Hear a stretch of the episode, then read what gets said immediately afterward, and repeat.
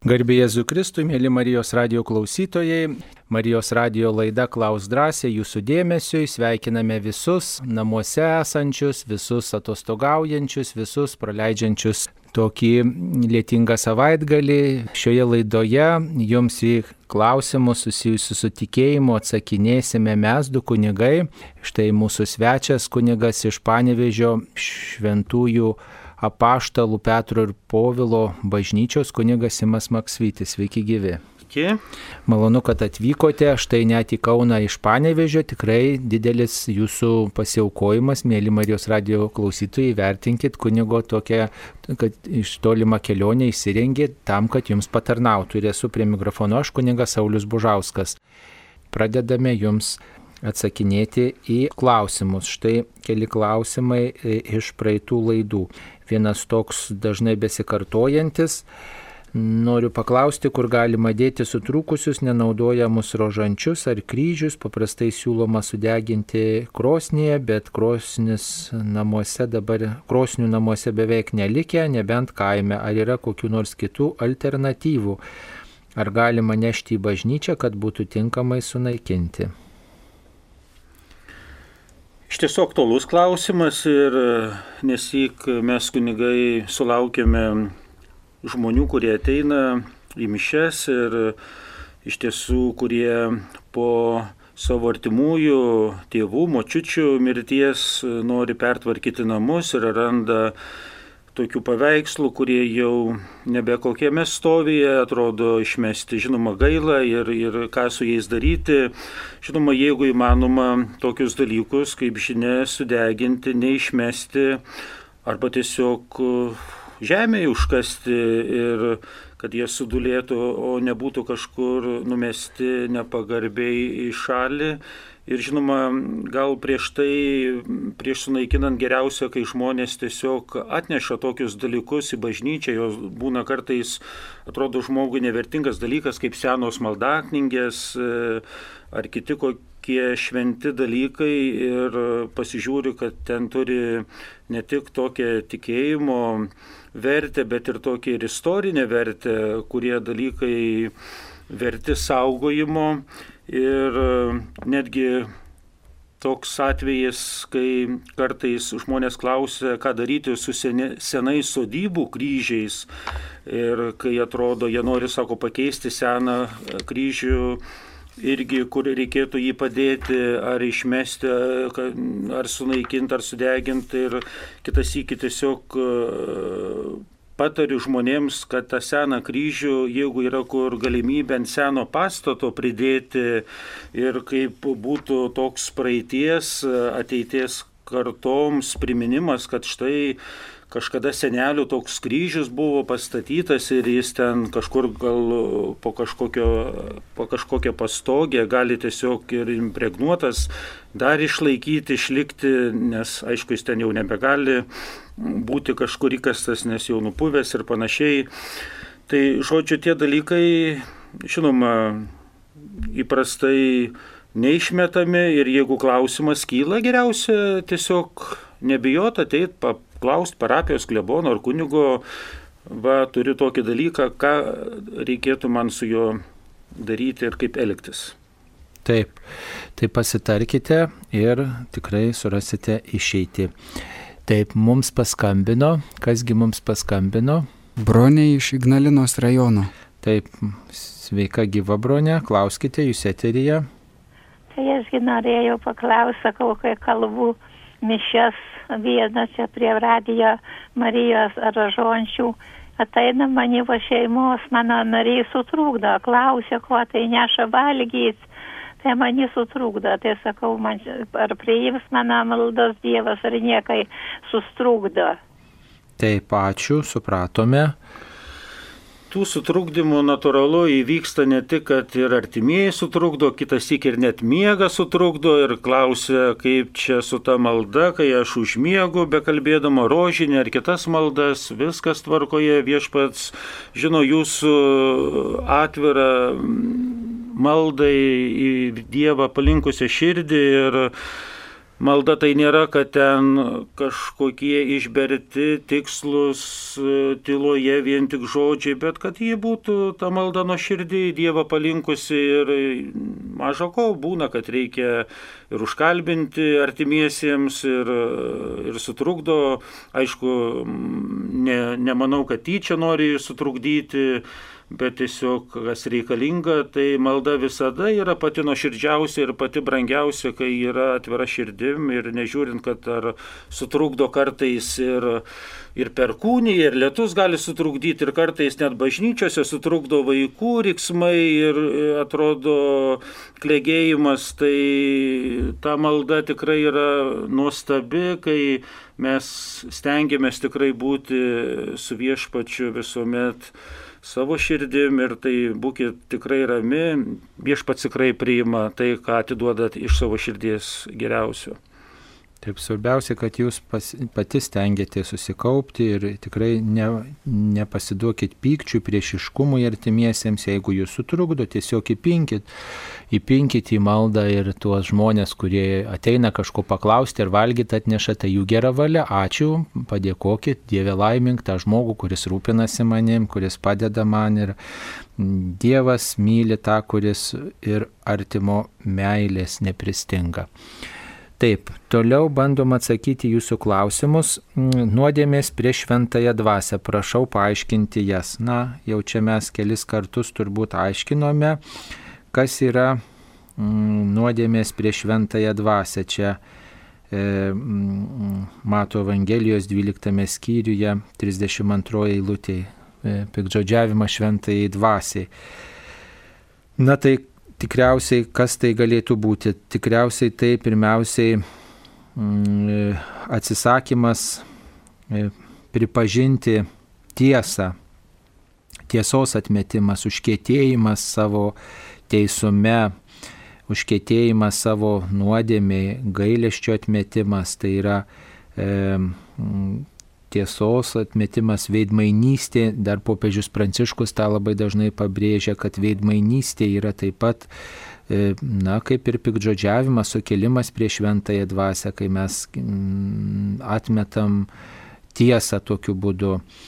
Na tai žmogus, kuris sako, man čia tikrai niekas negali atleisti, užkėtėja savo nuodėmė, na tai sukyla prieš šventąją dvasę, bet priimkime šitus žodžius ne kaip nuosprendį, bet kaip perspėjimą tokį, kad štai, na, išnaudotume visas progas atsigręžti į Dievą. Daugelis Jėzaus žodžių yra pedagogiški, kitaip sakant, jie nėra galutinis nuosprendis, bet yra mums turi, turi tokią perspėjančią reikšmę. Net kai Jėzus kalba apie pragarą, nereiškia, kad jau iš čia kažką iš mūsų jau dabar ir, ir tiesiog grasina tuo pragaru. Jis tiesiog parodo, kas gali laukti tų žmonių, kurie nu, kurie atmeta tikėjimą, ir, bet jis visada sudaro progas visą mūsų gyvenimą, kad mes tą tikėjimą sąmoningai pasirinktume. Taigi e, viešpats perspėja, kad jeigu užkėtėsim savo teisume, savo, savo m, tokiom pažinime, tik tai taip, kaip mums atrodo tinkama, kai atsisakysim priimti tiesą, kurią neša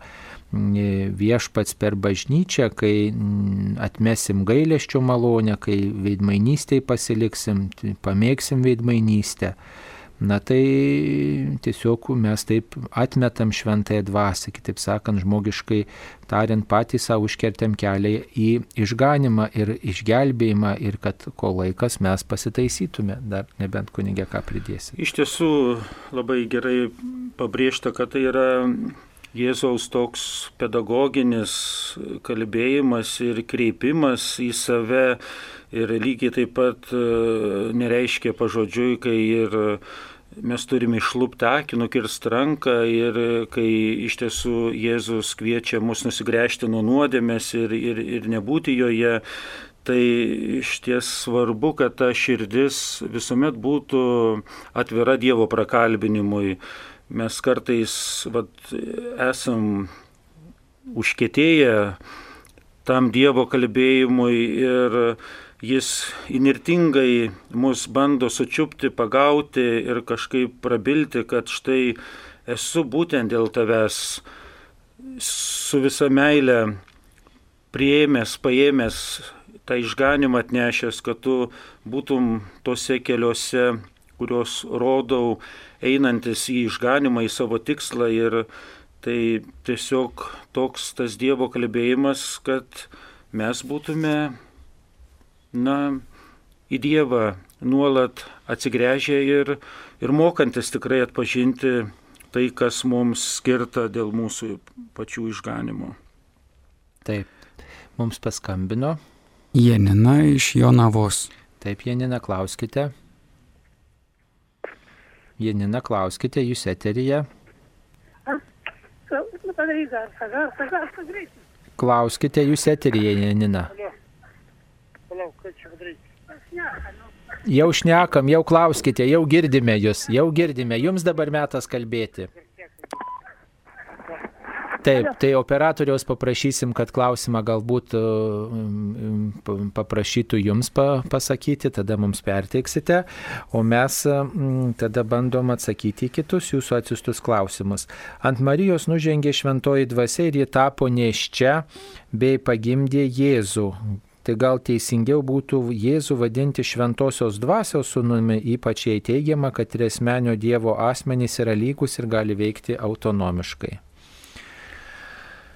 Na iš tiesų ir šventoji dvasia tai vienas iš trybės asmenų ir, ir, ir, ir Dievas sunus, ir Dievas tėvas, jie yra visi lygus ir iš tiesų tas trybės visas bendradarbiavimas vyksta įsikūnyjimo momente ir žinoma mes per e, tą išganimo slėpinį ir atpažįstame šventosios dvasios veikimą ir Dievo Sūnaus, Dievo Tėvo veikimą.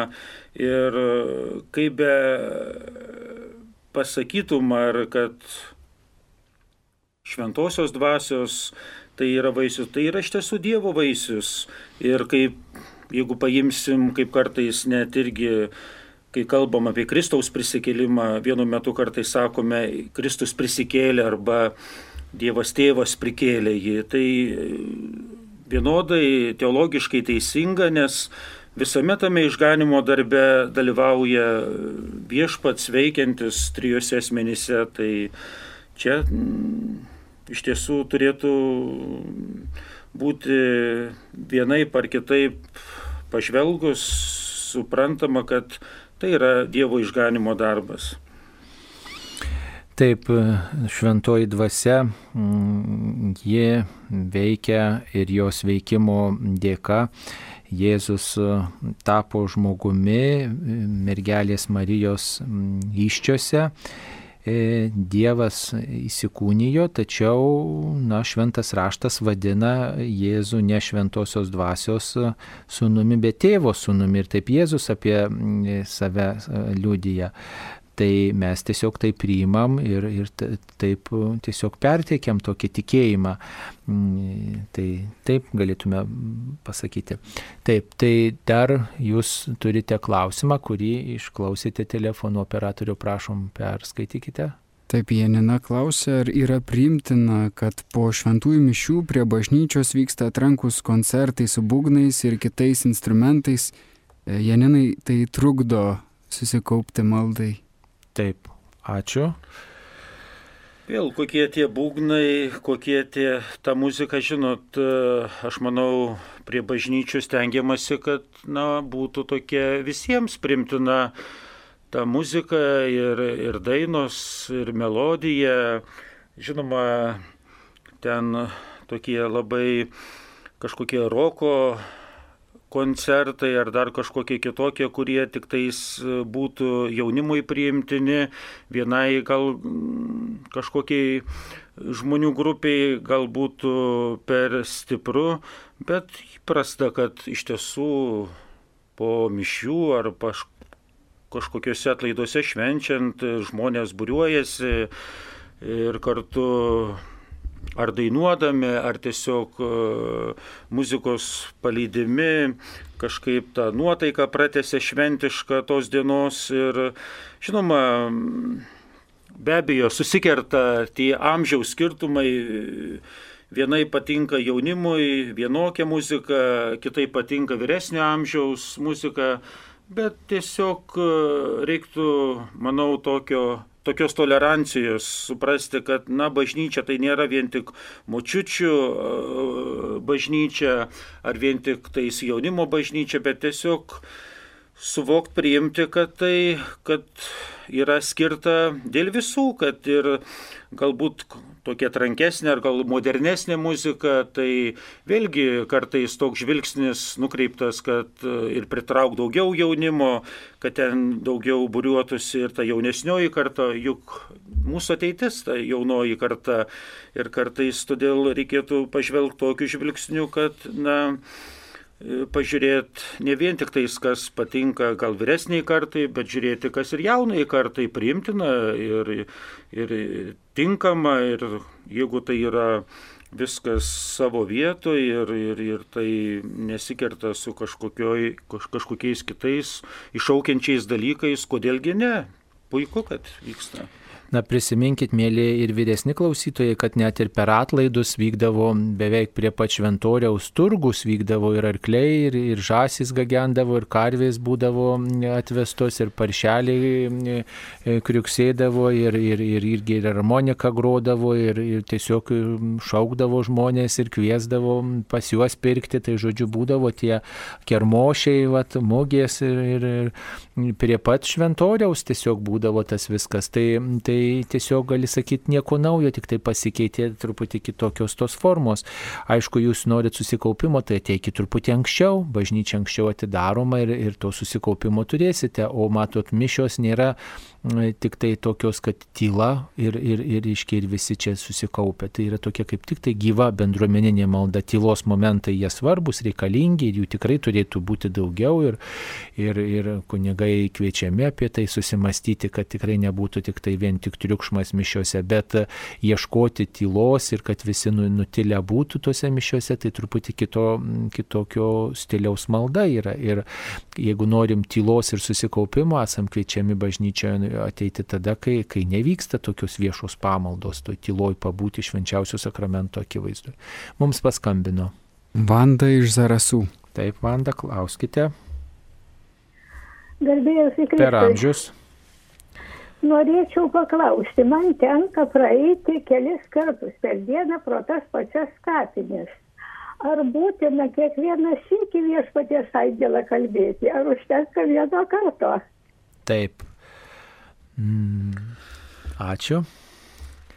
Aišku, visokias maldas galima kalbėti, gal čia iš praeities toks likęs, e, gal tradicijos dalykas, kad einant pro kapinės, na, neužmiršt, pasimelsti e, ne tik už savo mirusiuosius, bet ir visus, už kuriuos niekas nesimeldžia.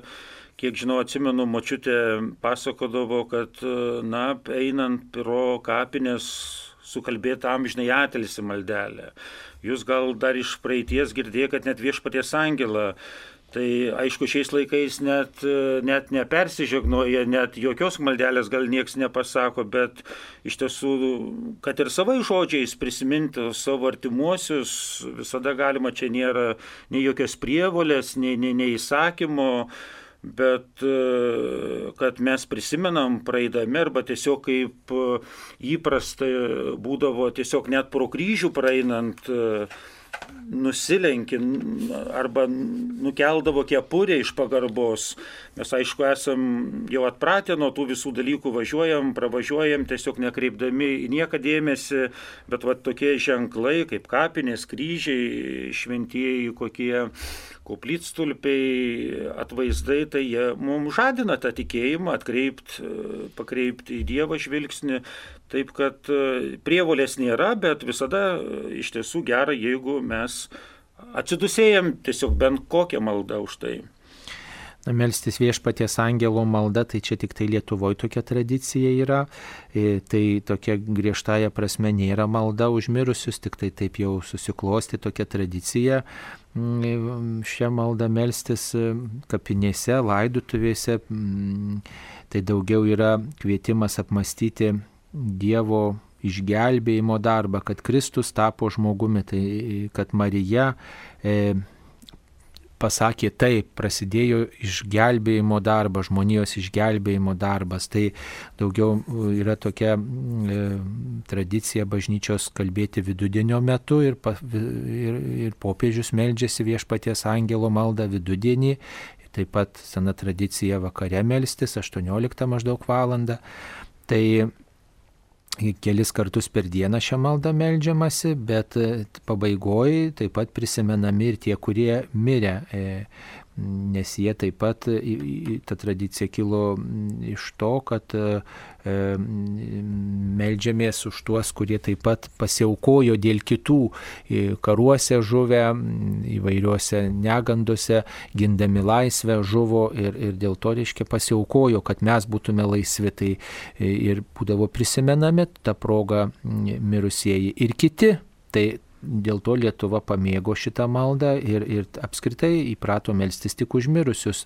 Atmeta tą tada dažnai žmonės tą tokį apmąstymą, kad tai yra na, Marijos atsiliepimas į viešpaties kvietimą, kad ir mes esam kviečiami atsiliepti į viešpaties kvietimą, ne tik tai galvoti apie savo iškeliavusius, bet ir patys atsiliepti į Dievo kvietimą, į Dievo darbus, į Dievo veikimą.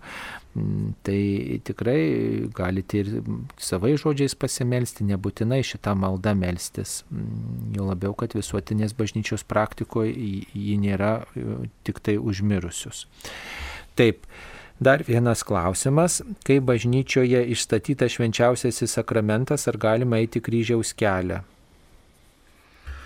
Žinoma, galima eiti tik tais kai išstatytas švenčiausiasis sakramentas, gal būtų gerai, kad kažkas pasiliktų prie švenčiausio sakramento artumos, kad neliktų visiškai be, be tokios adoracijos, o iš tiesų tai dera ir, ir tinkama ne tik kryžiaus kelią eiti, ir, ir rožinė taip pat tinka kalbėti, ar ir kitas, kaip žinia, maldas kalbėti, tai tas dažniausiai galbūt būna išstatymas e, gavėnios laikė, kai eidamas kryžiaus kelias ir kartais gal žmonės su tuo susiduria, atrodo, liktais e, paliktas e, be dėmesio švenčiausiasis sakramentas, bet įprasta, kad nu, vis tiek kažkas lyg ir pasilieka, lyg būna to švenčiausio sakramento artumojo, kažkas eina, bet kartu ir tas suvokiam, kad viešpats yra draugė, kad jis čia ir dabar su mumis ir ta kryžiaus kančia yra apmastomas, priimamas ir adoruojamas. Na, gal reikėtų ne tiek eiti tą kryžiaus kelią, kiek apmastyti būnant švenčiausių sakramentų akivaizdu, tiesiog nežvelgti į tos kaip vadinamas kryžiaus kelio stotis arba kaip žmonės vadina stacijas, tuos paveikslus, kur vaizduojamas kryžiaus kelias, kiek galbūt daugiau e, žvelgti į, į, į mąstymus, kuriuos turit maldaknygėje ar kažkokioje knygelėje ir, ir, ir tiesiog švenčiausio sakramento akivaizdoje, nejudant tiesiog vat, apmastyti kryžiaus kelią. Gal taip geriau būtų tikslingiau, va, nes matot, adoracija yra buvimas viešpaties akivaizdo. Jeigu mes tikim, kad švenčiausiam sakramente pasilieka pats Jėzus, tai yra na, tikrai aukščiausia garbinimo forma po šventųjų mišių. Tai mes būnam su Dievu, kuris čia pat, tas pats viešpats ten pasiliko. Jeigu mes, aha, Dieve, tu čia pabūk, aš apeisiu kryžiaus kelią, tenai apžiūrėsiu tuos paveikslėlius, kurie ten pavaizduoti, apmastysiu, tai savotiškai toks, na, atsitraukimas truputėlį ir pasilikimas gal prie savo pamaldumo ir tokios, na, tokios, sakytum, tolesnės maldos pasirinkimas kuri galbūt e, mus e, gal, e, na, nuteikia arba atveria tokiems labai žmogiškiem apmąstymams, o jeigu jūs vis dėlto prisirišę esat prie šio pamaldumo, tai apmastykit būdami viešpaties akivaizdoj, va viešpatie tu čia esi ir apmastau, kad tu dėl manęs iškentėjai, va esu kartu su tavimi ir ne, kai jau nebus gal adoracijos, tada galėsite apeiti, apžiūrėti, dar kartą staptelti kitą dieną, pavyzdžiui, ne, o, o sakykime, kai yra išstatyti pristatytas švenčiausiasis sakramentas, tai jau gal tinka būti prie jo, būti su tuo brangiausiu asmeniu, kuris čia pasilieka. Juk kai ateina svečias į jūsų namus, brangus svečias, tai jūs mm, neusimat pašaliniais dalykais, jūs visą dėmesį skiriate jam. Taip, mums paskambino. Paskambino Romas iš Akmenės. Taip, Romai, klauskite, jūs eteryje. Garbėsiu Kristui. Per amžius. Čia turėčiau tokį kaip, kaip pasiūlymą. Vienu žodžiu dabar tai rugsėjo pirmą, pirmą mokslo metų dieną vaikų. Ir, ir, ir turėčiau tokį pasiūlymą, kad šitą e, dabar bus e, mišios, kiek suprantu, bažnyčiose, bet kad būtų vieną valandą visus, nu, vietų, visus Lietuvoje adoracija vaikų. Mm. Nes tikėjimas yra kažkaip tai atšalęs, tų, tų žmonių nėra per daug bevaikšto. Tai va toks kaip pasiūlymas būtų, kad iški sutrauktų daugiau. O tas, tas, tas bendravimas būtų toks šiltesnis. Taip. Tai va. Ačiū, gražus pasiūlymas, bet, žinot, adoracija yra malda nelengva ir jai reikia tinkamai pasiruošti, taip sakant, jeigu taip pakviesim, tai nebūkim naivus, tikrai nesusirinks taip ir vaikai, ir jaunimas, ir, Ir, ir aišku, kviesti galima, tačiau labiau reikia auginti prie tos maldos, auginti. Ir tikrai yra tam tikras judėjimas, kur mm, mokoma adoracijos maldos, adoracija su vaikais yra tokia, nu kaip ir Švento Jono broliai ir seserį Švento Jono šeima yra mm, toj srity pasidarbavę nemažai, važiuoja į vairias parapijas ir tikrai moko vaikus, kai ką veikti adoracijos metu. Ir, ir, ir ir tiesiog na, įvairovė reikalinga tam tikra ir tam tikros giesmės ir maldos parenkamos ir įtraukimas vaikų. Na, vaikams šiais laikais tikrai nelengva išmokti melstis. Tai gražus pasiūlymas, bet, na, taip sakant, reikia toje srityje matyti daug darbuotis. Va. O, o šiaip mišios, mišios yra skiriamos už jaunimą ir, ir jaunimas kviečiamas ir irgi ir šventoms mišioms reikia pat jaunimą tinkamai paruošti, kad tai nebūtų renginys kažkoks dar vienas, bet, bet reiškia, jie, jie sugebėtų, mokėtų dalyvauti, o turint galvoj šių laikų iššūkius, tai aišku, tas dalyvavimas na, problematiškas turbūt. Taip, dabar mes turime atsiustą žinutę. Norėčiau paklausti, ar lytiniai santykiai tarp sutuoktinių yra nuodėmė, jei siekiame artumo bei malonumo, o ne pradėti naują gyvybę.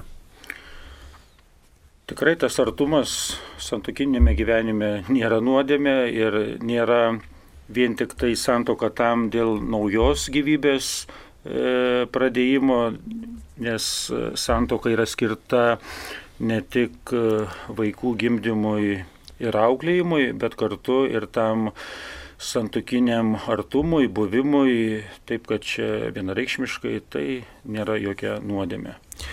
Na, aišku, reikėtų su toktiniams domėtis natūraliu šeimos planavimu. Tai yra tikrai toks būdas, kada na, galima su, labiau susipažinti su, su vaisingumu, su galimybėmis pastoti. Ir tikrai šeimos centruose, visose šeimos centruose Lietuvoje yra specialistai, kurie pasirengę ir paaiškinti ir, ir daugybė žmonių naudoja šitą metodą, siekdami tikrai planuoti vaikus, planuoti šią sritį ir tikrai mm, nepalikti tokiai tik tai nu, savaime savyjeigai ir paskui dėl to labai krimstis ir išgyventi. Taip, ar per gedulingas mišes reikia gėdoti viešpaties angelą, jei mišios vyksta per sekmadienio sumą, ar tam reikia vargonininkui duoti auką? Vėl čia matot, pagal tradicijas gal tiesiog e, kaimo mažesnėse parapijose tas ypač įprasta, kad e, užmirusiuosius, kai yra švenčiamos mišios, kad būtinai būtų gėdama viešpaties angelas ir kaip jau prieš tai minėta, atrodo, kad e, ta malda ypatinga už mirusiuosius, bet, na, tai yra tiesiog nusistovėjusi pas mus tradicija, kad, na, viešpaties angelų mes dar kažkaip tuo tą maldą norime pavesti Dievui savo artimuosius.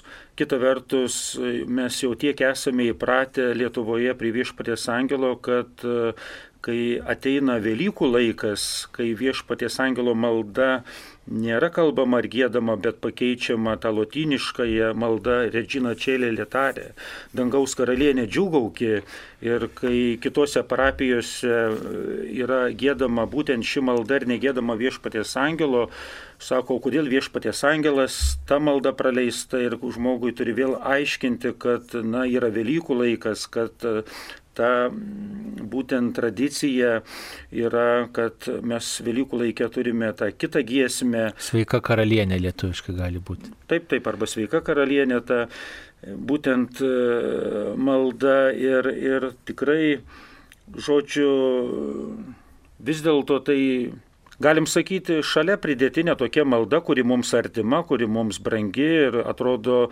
kaip tarsi mes lyg tai su to viešpaties angelo malda dar norim uždėti ant torto braškytė, be kurios atrodo nėra to skalsumo, nėra to skonio, bet iš tiesų pagrindas yra šventosios mišios, kai mes švenčiam už savo artimuosius ir tai nereiškia, jeigu ir nebūtų sugėdama viešpatės angelo ar sukalbama malda, tai nereiškia, kad tai būtų nepilnos mišios, tai netiesa.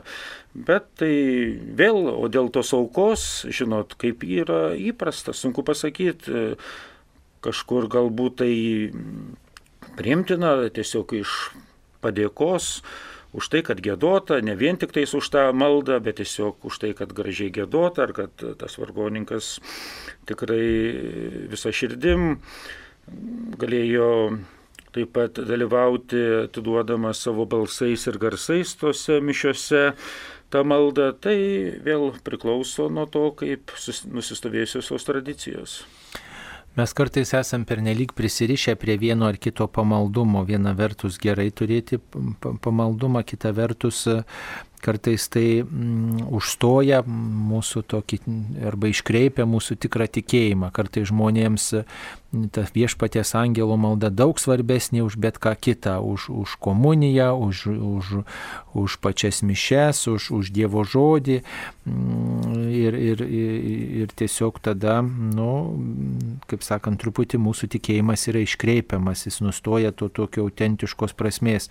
Prisiminkit Šventą Augustiną, ir jo mamą šią savaitę minėjom, Šventą Moniką ir Šventą Augustiną, tai tokie žodžiai įstrigę E, atmintin yra daugelio žmonių, kad e, kai Augustinas klausė mamos, kaip čia tave palaidoti, štai tu jau sergi, visa kita, tai toji mama pasakė, man nesvarbu, kur mane palaidosi, svarbu, kad prisimintų mane prie altoriaus, reiškia, mišių aukoj. Matai, yra toks labai gražus, autentiškas pamaldumas mišių aukoj prisiminti, o giesmės, ar tokia giesmė bus, ar tokia. Mes esam kviečiami tikrai ne tik tai tas laidutuvės iškelti kaip patį pagrindinį ženklą, bet ir taip pat sekti bažnyčios kalendorių, koks yra bažnyčios kalendorius, kokia yra diena.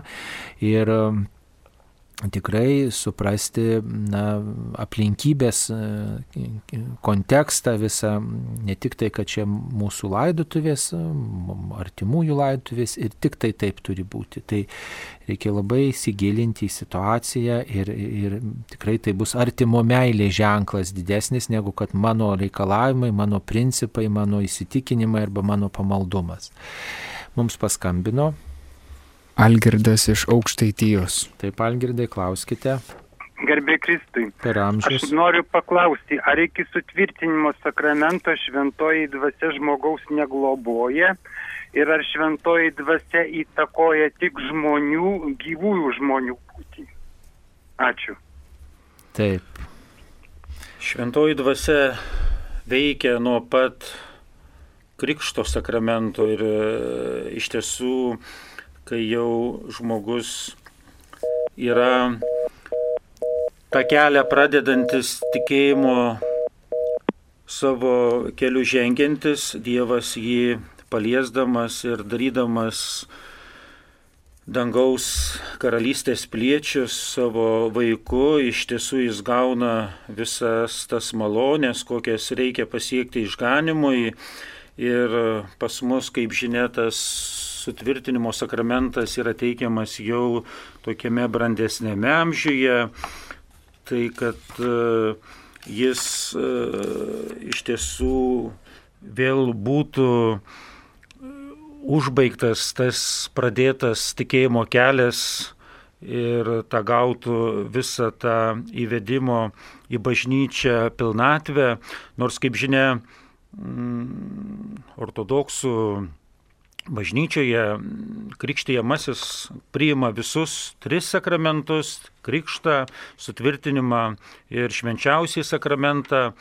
Vakarų katalikų bažnyčioje yra tas nusistovėję, kad per istorijos tarpsnius, kad jis tai vėliau truputėlį teikiamas, bet tai iš tiesų šventosios dvasios darbas vyksta nuo pat pirmojo krikšto sakramento ir tai nereiškia, kad ten žmogus na, neturi to Dievo artumo ar kažkokį jis neturi tokį iki galo pilno. Žinoma, jis dar nėra pilnai be sutvirtinimo sakramento įkrikščioninamas į, į tą bažnyčios kelią, bet iš tiesų labai svarbu, kad tas sutvirtinimo sakramentas nebūtų na, numestas į šalį ir mes turim dabar, sakykime, tą dabartinėje jaunąją kartą, kuri jau po pirmos komunijos ir nebepriima to sutvirtinimo sakramento, arba jis jau bandomas atrasti prieš santoką ar net vėlesnėme gyvenimo e, etape, bet iš tiesų tikrai labai svarbu, kad neliktume be šios šventosios dvasios dovanos, be tos Dievo malonės ir kad mes jį tikrai priimtume, kad jį švestume tą gyvenimą pilnai prieėmę tos visus Dievo mums teikiamus sakramentus.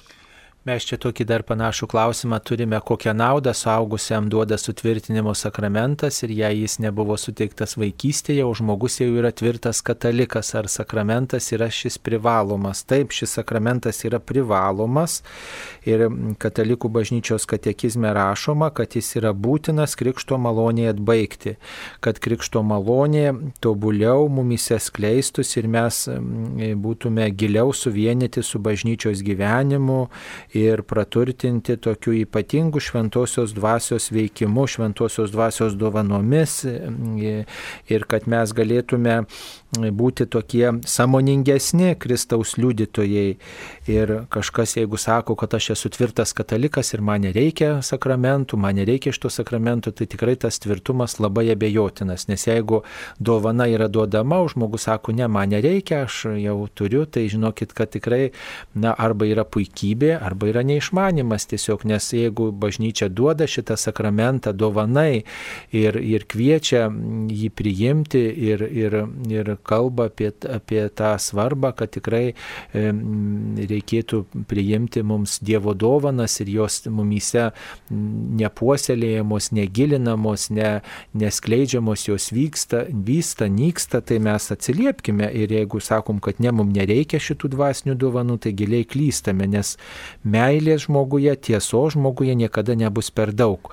Ir e, tikrai tai yra kaip Dievo meilės dovana mums. Ir kai jeigu jeigu žmonės yra kviečiami priimti dabar sutvirtinimo sakramentą prieš santoką, taigi kviečiami būti samoningesniais. Ir jeigu sako, aš esu sąmoningas ir man nereikia samonėti, tai, na, klysta giliai, nes jeigu paklaustum tokio žmogaus apie bažnyčios gyvenimą, apie tikėjimą, tai manau, kad būtų didelis nusivylimas ir daug ko ko žmogus neatsakytų. Taigi šitas sakramentas reikalingas tam, kad mes labiau dvasę priimtume, o dvasia jinai, žinot, nepasilieka žmoguje vieną kartą prieimus, ją nuolat reikia mumyse atnaujinti, kaip mes atnaujinam, kiekvieną rytą prausiamės, kiekvieną dieną pavalgome, taip ir ta dvasia, nu, kas kartą reikia atnaujinti ir, ir tikrai kiti priima šventosios dvasios sakramentą ir mes esam kviečiami taip pat dalyvauti, nors negalim priimti antrą kartą sutvirtinti sutvirtinimu, bet būdami melzdamiesi už kitus žmonės, mes tokiu būdu atnaujiname tą troškimą, kad Dievo dvasia dvelgtų mumyse, kad mūsų tikėjimas būtų brandesnis.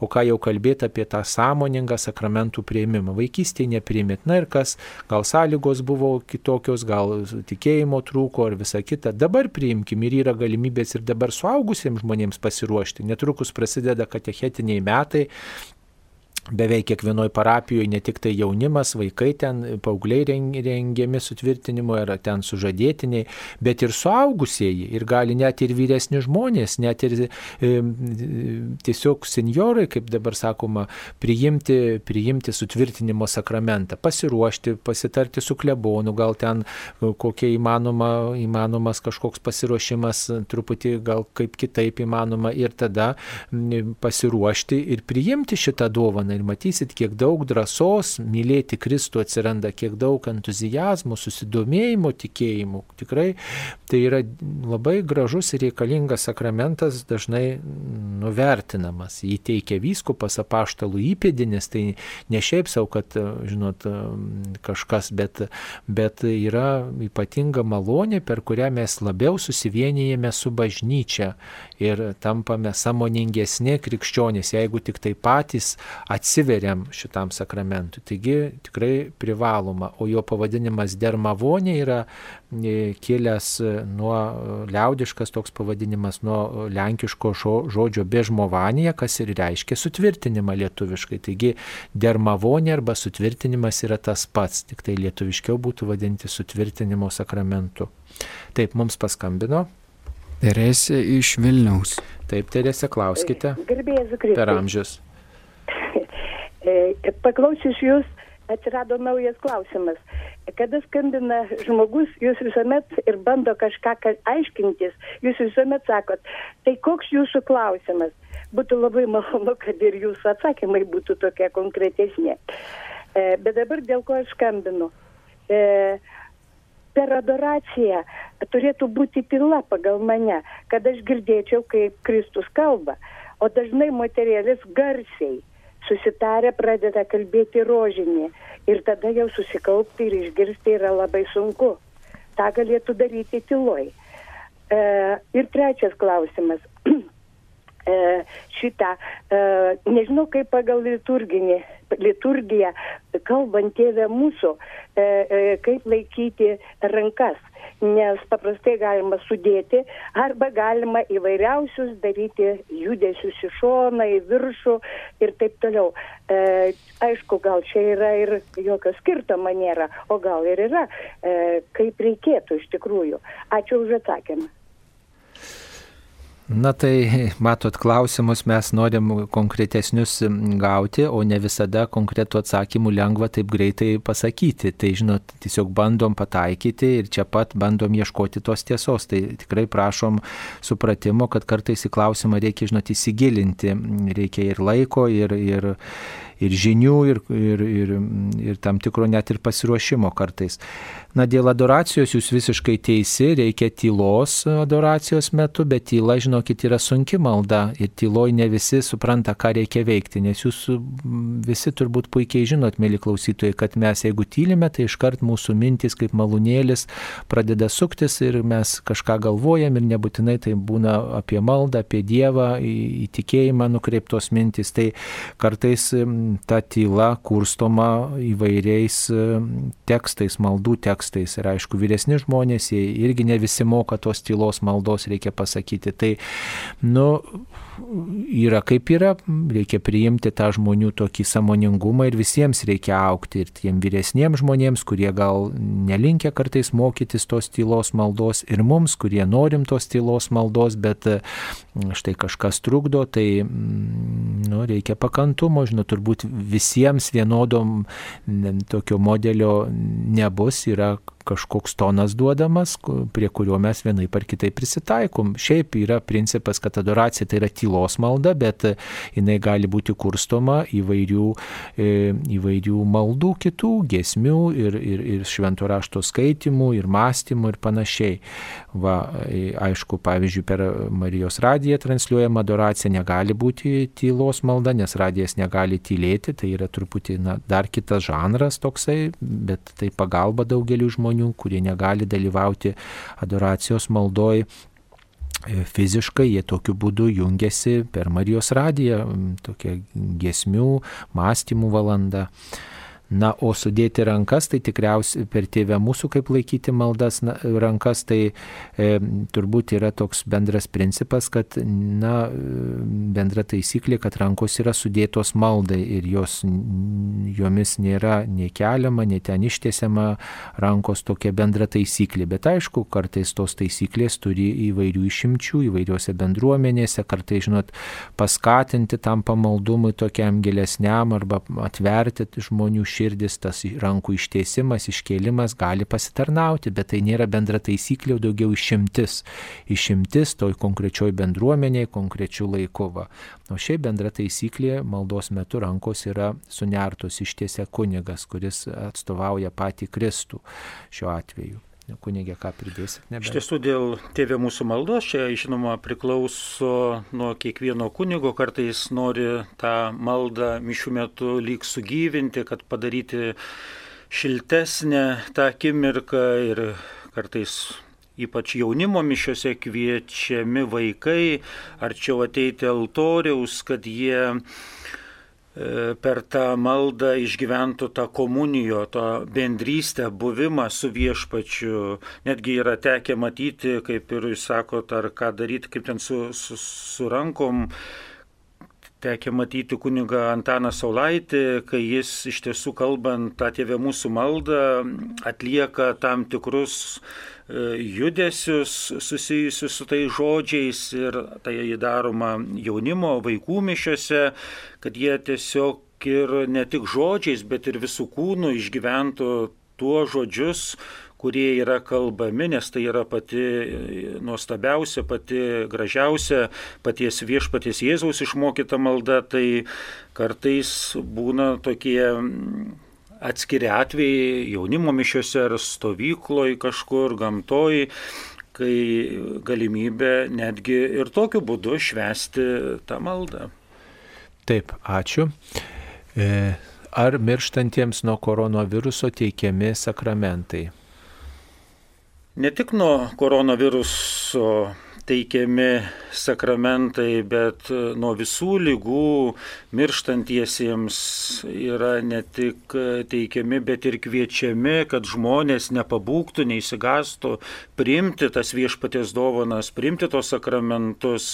Ir ne tik, kad mirštantieji, bet, na, kai jie dar yra sąmoningi, kai jie išgyvena tą sunkę lygą ar nebūtinai sunkę lygą, tiesiog žmogus senatvėje, kuris ten ir gali bet kada iš tiesų būti viešpaties pakviestas į amžinybę, kad jis būtų susitaikęs ir savo širdyje tikrai priemęs tą Dievo malonę ir dar mumise kažkaip ta gaji tokia mm, būtent mąstysena, kad e, ypač ligonių patepimo sakramentas e, yra tik teikiamas mirštantiesiems, o O tas sakramentas būtent bažnyčios kviečiamas ir raginamas priimti lygoj, kol ligonis yra sąmoningas, kol jis tikrai gali suvokti, priimti ir kažkaip nurimti toj lygoj, nežiūrint, kas be nutiktų, ar jis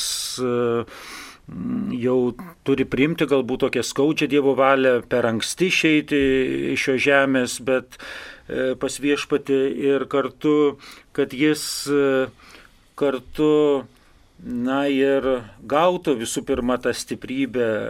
Ir tas ligonių patepimo sakramentas nėra teikiamas tik mirštantiesiems, kad jis kažkaip būtų paruošiamas jam žinybė, bet visų pirma tas sakramentas skirtas tam, kad visų pirma ligonis pagytų, sustiprėtų kūnų ir dvasia.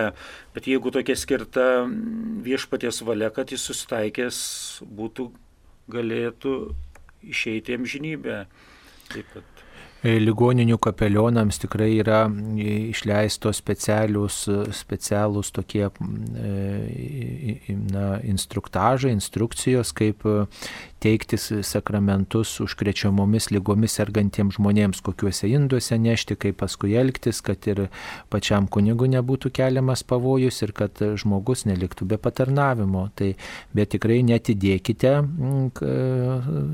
na, tų sakramentų, ligonio sakramentų, jeigu jūs, pavyzdžiui, esate vyresnio amžiaus, galite priimti ligonių sakramentą bent kartą metuose vyresnio amžiaus žmogus arba kuris serga įvairiomis sunkesniomis lygomis gali priimti taip pat ir taip pat, na, kad galėtume svarbu nenumirti su sunkiomis nuodėmis, atlikti išpažinti. Tai kol dar esam sveiki, kol nėra pavojaus didelio ir, ir, ir galim lankytis ir bažnyčioje, ir nueiti arba pakviesti kunigą į namus, tai tikrai tuo pasinaudokim, kad būtume e, tikrai susitaikę, prieėmę šventą komuniją ir jeigu net ir atsitiks taip, kad štai užklups mus tas koronavirusas, mes jau busim iš anksto tam pasiruošę dvasiškai, susitaikę, neturintys jokios nuodėmės, prieėmę šventą komuniją ir net jeigu ir nebūtų kunigo tuo metu, kuris suteiktų ligonių sakramentą, bet mes būsim iš savo pusės kiek įmanoma labiau pasiruošę.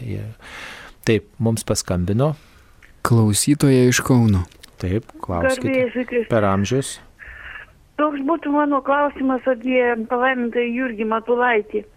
Čia buvo per pamokslą sakoma iš Marijampolės, kurioje ligoninėje jis mirė, bet aš nesuspėjau išgirsti ir Gal jūs galite atsakyti šito klausimą? Mm.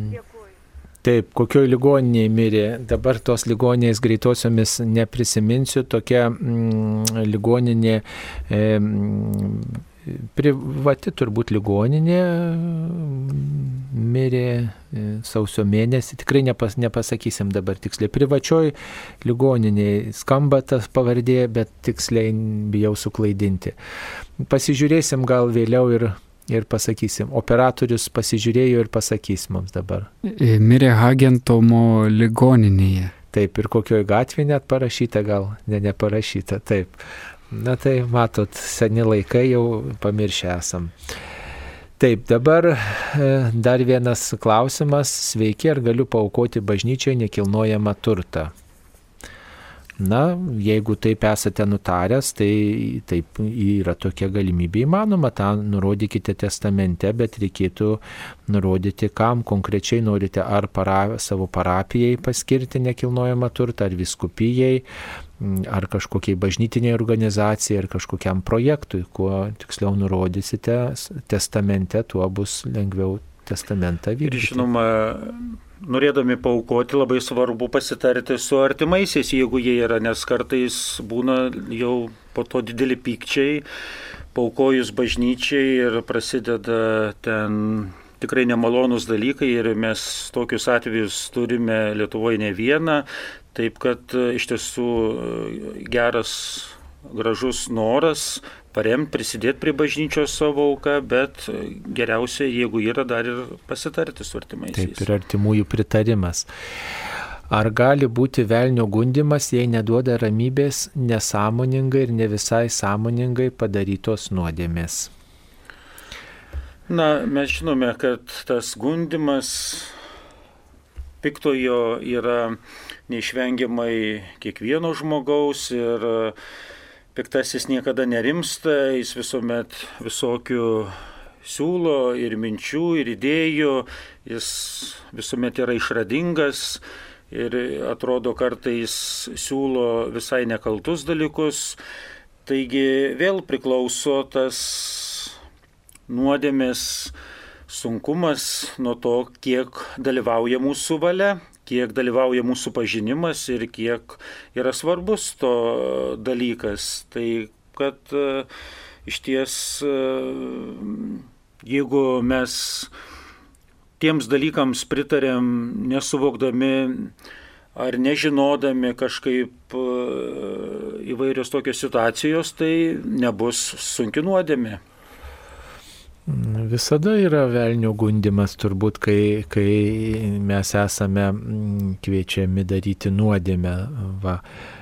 Tai nuodėmis visada yra piktojo strategija. Ir, na, piktasis nori mus atitraukti nuo Dievo, bet mes tą piktojo puolimą atmetame atsiprašydami, eidami iš pažinties, būdami tiesoj ir mm, stiprindami savo krikščionišką tikėjimą, švesdami sakramentus, eidami komunijos, melzdamiesi, šaukdamiesi Dievo, kartais tos mm, sąmoningos ar nesąmoningos nuodėmės mus atakuoja, bet jeigu mes, pavyzdžiui, kartuojam kokią maldą labai drąsiai, atkakliai, kantriai, na, galim pastebėti, kad e, tas polimas liaujasi arba kai mes kreipiam mintis prie kitų dalykų, prie mūsų žmogiškų patirčių, gražių patirčių ir, na, patyrę, kad piktojo mintis netaip mus puola, kad esame labiau tokie savyje, samoningesni tokie, tada galime tikrai jau ir melstis nuo širdžiau ir tada galime atrasti, kad na, esam laisvesni ir piktasis netaip mus atakuoja. Taip mums paskambino. Julija, Julija iš Vilniaus. Taip, Julija, klauskite. Taip, Julija, klauskite. A, tiesiog aš norėčiau gal neužklausti, o norėčiau, kad pakomentuotumėte. Taip. Aš kalbu, aš kalbu už savo draugą, aš esu katalikė. O vaikai kažkaip tai nuslydo, nu, aš taip vadinčiau tos sektantus, kurie ten garbina tą Jėzų Kristų, ten groja gitarom ir ten šlovinam, šlovinam Jėzų. O apsikrypti... kokioj bendruomeniai, kokioj bendruomeniai? Aš net nesuprantu. Taip. Taip pat turbūt nesuprantu. Taip. Ukrainoje kažkoks mundialas. Taip. Nu, tai jūs pakomentuokit jam normaliai, kad jisai normaliai susiprastų, kur, kaip jisai atsiranda ir kodėl jisai tam apsikrikštijo. Bet pakomentuokit. Jam, Na tai matot, kodėl jis ten atsiranda, mes negalim pakomentuoti. Žmogų tiesiog na, patraukė, patraukė gal draugai, gal maldos būdas, gal dar kažkas. Mes nežinom nie kokia tai bendruomenė, tai dėl to sunku komentuoti. E, na, sakyčiau, žinot, tas komentavimas tų bendruomenių, kurias mes nežinom, kur, apie kurias mes nežinom, yra labai problematiškas ir labai abstraktus. E, pirmiausiai mes galim pasakyti, kodėl mes esam katalikų bažnyčia ir kodėl katalikų bažnyčia, liekam katalikų bažnyčia, kodėl mes atpažįstam čia tiesos grūdą. Dėl to, kad katalikų bažnyčia yra e, apaštalinė bažnyčia nuo apaštalų laikų. Dėl to, kad nuo apaštalų laikų e, eina per viskupų rankų, rankų uždėjimą apaštalinė sukcesija. Tai reiškia, na, karta iš kartos yra perduodama Kristaus gale, ta gale, kurią Kristus perdavė paštalams, o paštalai savo įpėdiniams. Nors ir kokia bažnyčios istorija, baisi, skausminga, skandalų daug, įvairiausių nesusipratimų, bet yra nuo paštų laikų ateinanti per trapius žmonės ta Kristaus žinia. Ir šventasis raštas ateina būtent per šitą bažnyčią, nors ir daug skilimų, nors ir daug nesusipratimų, bet būtent e, katalikų bažnyčia išsaugojo e, šventąjį raštą, išsaugojo tradicijas, išsaugojo žinę apie Jėzų, iš, išsaugojo e, tas tradicijas, kurios yra iš didžiosios raidės ir kurios nėra užrašytos šventajame rašte, pavyzdžiui, pamaldumą mergeliai Marijai, Marijos ėmimo į dangų tą mat, iki dogmos atėjusi, atėjusią žinę tokią ir, ir daugelį kitų dalykų. Ir mums tai yra toks tikėjimo paveldas. Vat, ir vat apaštalų įpėdinis Petras, Petro įpėdiniai, reiškia paštalai, Petro įpėdiniai popiežiai va, mums yra tokie vienybės garantai tos to mokslo žinios, kuri nuo Kristaus laikų ateina iki mūsų, mūsų dienų. Tai dėl to mums svarbu yra va, tą bažnyčią mylėti ir joje atpažinti tiesos grūdą.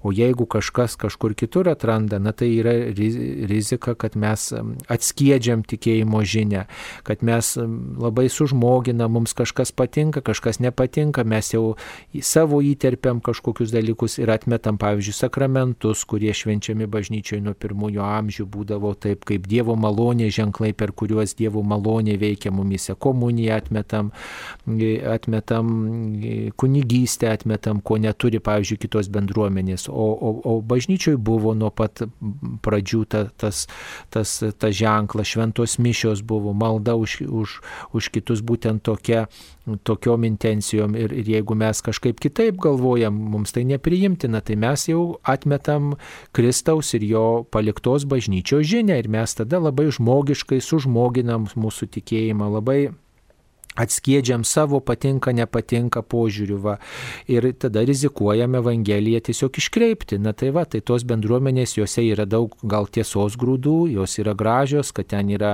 nu, jos yra nedidelės, jos yra gal tokios kompaktiškos, labai pažįsta nariai vieni kitus ir tai yra jų didelis privalumas, kad yra gyvas gal tikėjimas, gyva malda, nuo širdį malda, karšta malda, e, tos rutinos gal mažiau tokios, tai tas yra privalumas, bet bet neturi kitų privalumų, kuriuos ką tik išvardinau, kuriuos turi katalikų bažnyčia. Taigi, sakyčiau, reikėtų žiūrėti kokį tikėjimą perdavė mano artimieji ir, ir pačiam ieškoti tiesos patiems žmonėms. A, a jūs, sakyčiau, nekonfrontuokit su tuo savo draugu labai, kad čia maždaug aš tiesos pusėje, tu čia nuklydai, tu čia sektojasi.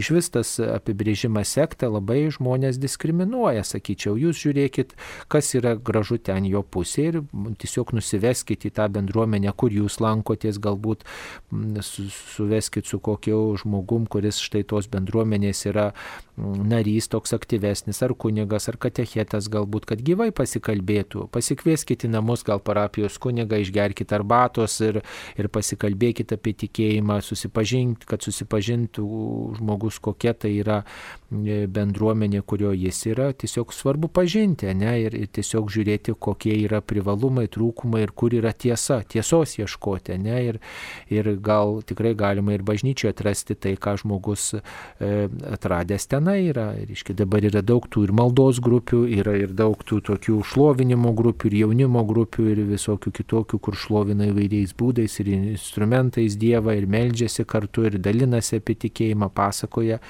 na tai tokiu būdu galima tikrai ir bažnyčioje atrasti gyvų, gyvą tikėjimą. Ne tik tai, kad nuėjusi bet kurią bažnyčią, ten, aha, senukai meldžiasi, ten kunigas gal šneka ne tą, nieko nesuprantu, a, tai čia nėra tikėjimo, o ten yra. Tai pažiūrėti truputį ir kitaip galima. Tai va kunigė nebent ką pridėsit. Tai iš tiesų dažniausiai mes pykstame ant kitų tikėjimo brolių, seserų ir vadindami juos sektantais, kitokiais nepagarbiais žodžiais, bet dažniausiai, kodėl jie ten nueina, ko gero dėl to, kad ir mes jiems neparodom to šiltumo, to liudijimo. Mes pykstam, kad jie ten eina, bet kiek mes parodom to gražaus savo tikėjimo, išgyvenimo, liudijimo, pasidalinimo, kad čia, žiūrėk, pas mus kaip yra gera, mes čia renkamės, mes čia šlovinam, mes čia bendraujam bendraujam, bet dažniausiai apsiribojam tokiais šaltais tradiciniais dalykais ir jeigu mumise pamato tokį šiltą, šaltą, tai yra prieimimą ir mūsų šaltus veidus, tai kas jiems belieka eiti ten, kur iš tiesų ir kviečia. Ir dažnai mes tie patys katalikai prisidedam, kad jie ir pabėga, nueina kitur ten, kur jos kviečia su šypsena, su meile. Todėl ar nereiktų mums kiekvienam į save žvilgterti ir, ir paklausti savęs, kiek aš paliudiju religijų išnešu to tikėjimo, tos gražios šiltos savo šilumos, kad čia ateitų, kad čia jiems gera būtų, o ne dėl to, kad vien tik pykti ir, ir sakyti, kaip blogai, kad jie ten eina, ir, o čia, čia, čia jie prie mūsų nepasilieka, tai tai tik būna dažniausiai kažkaip tie dalykai, kad mes tik tais pykti parodom, o ne tai, ką iš tiesų privalėtume paliudyti savo tikėjimo šviesą, liudijimą tą meilę. Taip, mums paskambino. Regina iš Alitaus. Taip, Regina, klauskite. Garbėjas į amžius. Labai sveikinu ir labai džiaugiuosi šią laidą ir, ir, ir labai gerbiu direktorių Saulių, labai visiems kunigam dėkinga bet va tokis klausimas man rūpi, e, girdžiu dažnai tokius pas, tokį pasakymą, nu, vis, bent kokioj laidoj, kad kurie paskirti tie pašventinti, kurie pašventinti tie ir išaukštinti, kurie išaukštinti. Aš čia ne taip pasakysiu, žinoma, ne visai iš eilės, bet jūs suprantate, apie ką aš kalbu. Tai man neramu, nejaugi tik tie bus išrinkti, o jau, jau kiti ne, ne, nu, tiesiog neišklausyti, nepriimti. Tai prašau paaiškinimo, prašau e, jūs Ačiū. E, na, paaiškinimą, jei nesupyksite, pasakysime po pertraukos, surasime tą švento rašto ištraukėlę per pertrauką ir jums pakomentuosime. Čia Marijos radijas. Mėly Marijos radijo klausytojai, Marijos radijas juda toliau ir skelbia Dievo žodį. Tad esame labai reikalingi jūsų pagalbos o prisidėti galite visų pirma malda, savanoriste ir auka. Tad Marijos radijos savanoriai jūsų lauks rūpjūčio 29 dieną, šeštadienį, Vilniaus Šventojo Rapolo bažnyčioje. Rūpjūčio 30 dieną, sekmadienį, Šiaulių švenčiausiosios mergelės Marijos nekaltojo prasidėjimo bažnyčioje, Kuršienų Šventojo Jono Krikštitojo bažnyčioje Marijampolės Šventojo Vincento Pauliečio bažnyčioje, Veiverių Šventojo Liudviko bažnyčioje, kur vyks Šventojo Liudviko atlaidai. Taip pat Jūrės Kazlų Rūdos savivaldybėje Dievo gailestingumo koplyčioje, Višakio Rūdos Kazlų Rūdos savivaldybėje Šventojo Viskopo Stanislovo bažnyčioje, kur vyks Šventojo Baltramiejaus atlaidai. Marijos radijos savanoriai jūsų lauks ir šventosios švenčiausiosios mergelės Marijos jūrų žvaigždės bažnyčioje, kur vyks tituliniai atlaidai, Laukžemės Kretingos rajone Šventojo Paštalo Andriejaus bažnyčioje, Pajevonio Vilkaviškio rajone Šventojo Jono Krikštitojo bažnyčioje, Lankeliškių Vilkaviškio rajone Švenčiausiosios Trejybės bažnyčioje. Rūpjūčio 31 dieną pirmadienį Vilniaus Dievo gailestingumo šventovėje. Marijos radijas - krikščioniškas balsas jūsų namuose.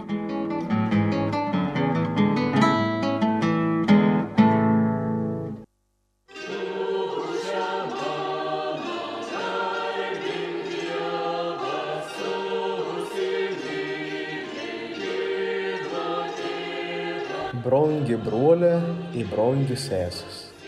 Kiekvieną mėnesį antrą dieną Žemaičių kalvarijos baziliko įminimi mažėja mergelės Marijai šeimų karalienės atlaida. Atsidėkodami pono Dievo užgautas malonės per mergelės Marijos užtarėmą, visi esam kveitami. Naktį iš pirmos mėnesį dainos į antroji praleisti prie švenčiausią sakramentą adoracijų. Kveitam visus atvykti. Nu, o tai, katrai negalit prisijungti gyvą, prašom kartu melstis per Marijos radiją.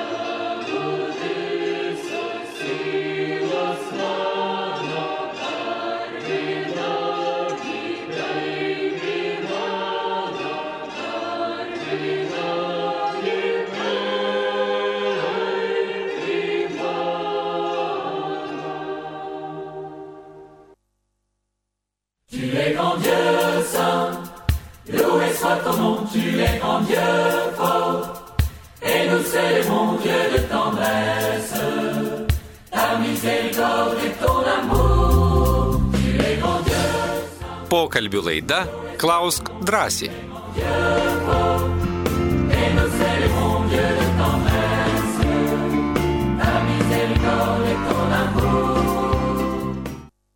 Mėly Marijos radio klausytojai, tęsėme laidą Klaus drąsiai. Šioje laidoje į klausimus jums atsakinėja kunigas iš Panevežio viskupijos, iš Panevežio šventųjų apaštalų Petro ir Povilo bažnyčios, kunigas teologijos daktaras Simas Maksvytis ir aš kunigas Saulis Bužauskas. Taigi buvo klausimas apie vieną tokią švento rašto eilutę. Jeigu mes teisingai supratome, tai ta ištrauka yra iš laiško romiečiams 8 skyriaus nuo 28 iki 30 eilutės. Žinome, kad viskas išeina į gerą mylintiems Dievą, būtent jo valia pašauktiesiems, o kuriuos jis iš anksto numatė, tuos iš anksto ir paskyrė tapti panašius į jo sunaus pavydalą, kad šis būtų pirmgimis iš daugelio brolių. Kuriuos jis iš anksto paskyrė, tuos ir pašaukė, kuriuos pašaukė, tuos ir nuteisino, kuriuos nuteisino, tuos ir išaukštino. Taigi e, turbūt buvo apie šitą ištrauką klausimas. Tai galėtume, kaip galėtume mes pakomentuoti šitą štai išrinkimą, išaukštinimą, čia turbūt neramina, kad iš anksto tas žodis, kad galbūt e, kažkas tokiu būdu yra atmetamas, galbūt klausytojai tai turėjo galvoje. Be abejo, Dievas iš anksto viską numatęs, kas nutiks su mumis ir kas yra mums skirta ir tai kai kas galbūt gali išrėti ir tokį iš anksto nu, nulėmimo predestinacijos tą klausimą iš čia iškelti. Ir žinome, kad viešpats daug ką yra dėl mūsų numatęs, bet yra kartu davęs ir laisvą valią. O toje laisvoje valioje mes esame tie, kurie kviečiami į išganimą, kurie krypstame į savo tikslą ir viešpats mums duoda visas pagalbas, visas dovanas, viską atidavęs, kad tik mes būtume jo priimti ir išaukštinti. Bet žinoma, kartu jis negali atimti tos brangiausios dovanos, mūsų laisvės, mūsų apsisprendimas, tai yra, yra tas dalykas, kuriuo mes ir pasirenkame šiame gyvenime dalykus, kaip ir yra vienas įsireiškęs iš bažnyčios tėvų, šventasis Rodos Augustinas, Dievas mus sukūrė be mūsų, bet mūsų negali išgelbėti be mūsų. Tai reiškia, kad be mūsų laisvos valios, be mūsų noro ir troškimo mes negalime būti surinkti ir parvesti į amžinuosius namus. Taigi viešpaties be abejo yra daug kas numatyta, mes nežinome visų viešpaties planų, apvaizdos kelių, bet tikime, kad tikrai viešpats kiekvieną mus vienodai myli ir kiekvieną mus su meile kviečia priartėti prie jo. Matot, šitos ištraukos pirmasis sakinys turėtų būti didžiulė paguoda. Žinome, kad viskas išeina į gerą mylintiems Dievą, būtent jo valia pašauktiesiems. Taigi e, viešpats mus visus pašaukė. Pirmiausiai pašaukė būti žmonėmis šiame pasaulyje. Jau kad mes esam, e, esame, e, kad mes būti turime, kad turime gyvenimą, nepakartojamą unikalų gyvenimą, tai yra didžiulis Dievo pašaukimas būti žmogumi, kad nesu nesu pelė, nesu žolė, nesu, e, nesu paukštis kažkoks, kurį vanagas pagauna sudraskų į skutelius, bet esu žmogus pagal Dievo paveikslą ir panašumą sukurtas. Kad turiu krikščionišką tikėjimą, tai yra pašaukimas, kad turiu kažkokią krikščionišką misiją, kurią man viešpats duoda e, tame krikščioniškam kelyje. Tai yra pašaukimo ženklai. Ir viešpats nu, iš anksto numatė mano gyvenimą ir iš anksto viešpats numatė e, mano kelią, kai mano pasirinkimus, ne, ir mano užduotis turbūt tuos pasirinkimus kaip galima tiesinti, grininti, atsiliepti. Viskas išeina į gerą mylintiems Dievą. Jeigu aš mylėsiu viešpatį, tai vadinasi, aš jo tą pašaukimą atsiliepsiu, jo tą nuteisinimo planą atsiliepsiu. Reiškia, nuteisinimas tai yra, kad mano gyvenimas atitiktų Jėzaus Kristaus istoriją, kad aš atsiliepčiau Jėzaus Kristaus istoriją, kad aš priimčiau jo žinę ir kad kad priimčiau tą išaukštinimą, kurį jis numatęs iš anksto savies visiems žmonėms. Ir, ir jis už visus žmonės numirė. Ne, ir jeigu žmonės nepriima to, tai aišku, jie nepriima Dievo projekto, tai sukyla prieš Dievą. Va.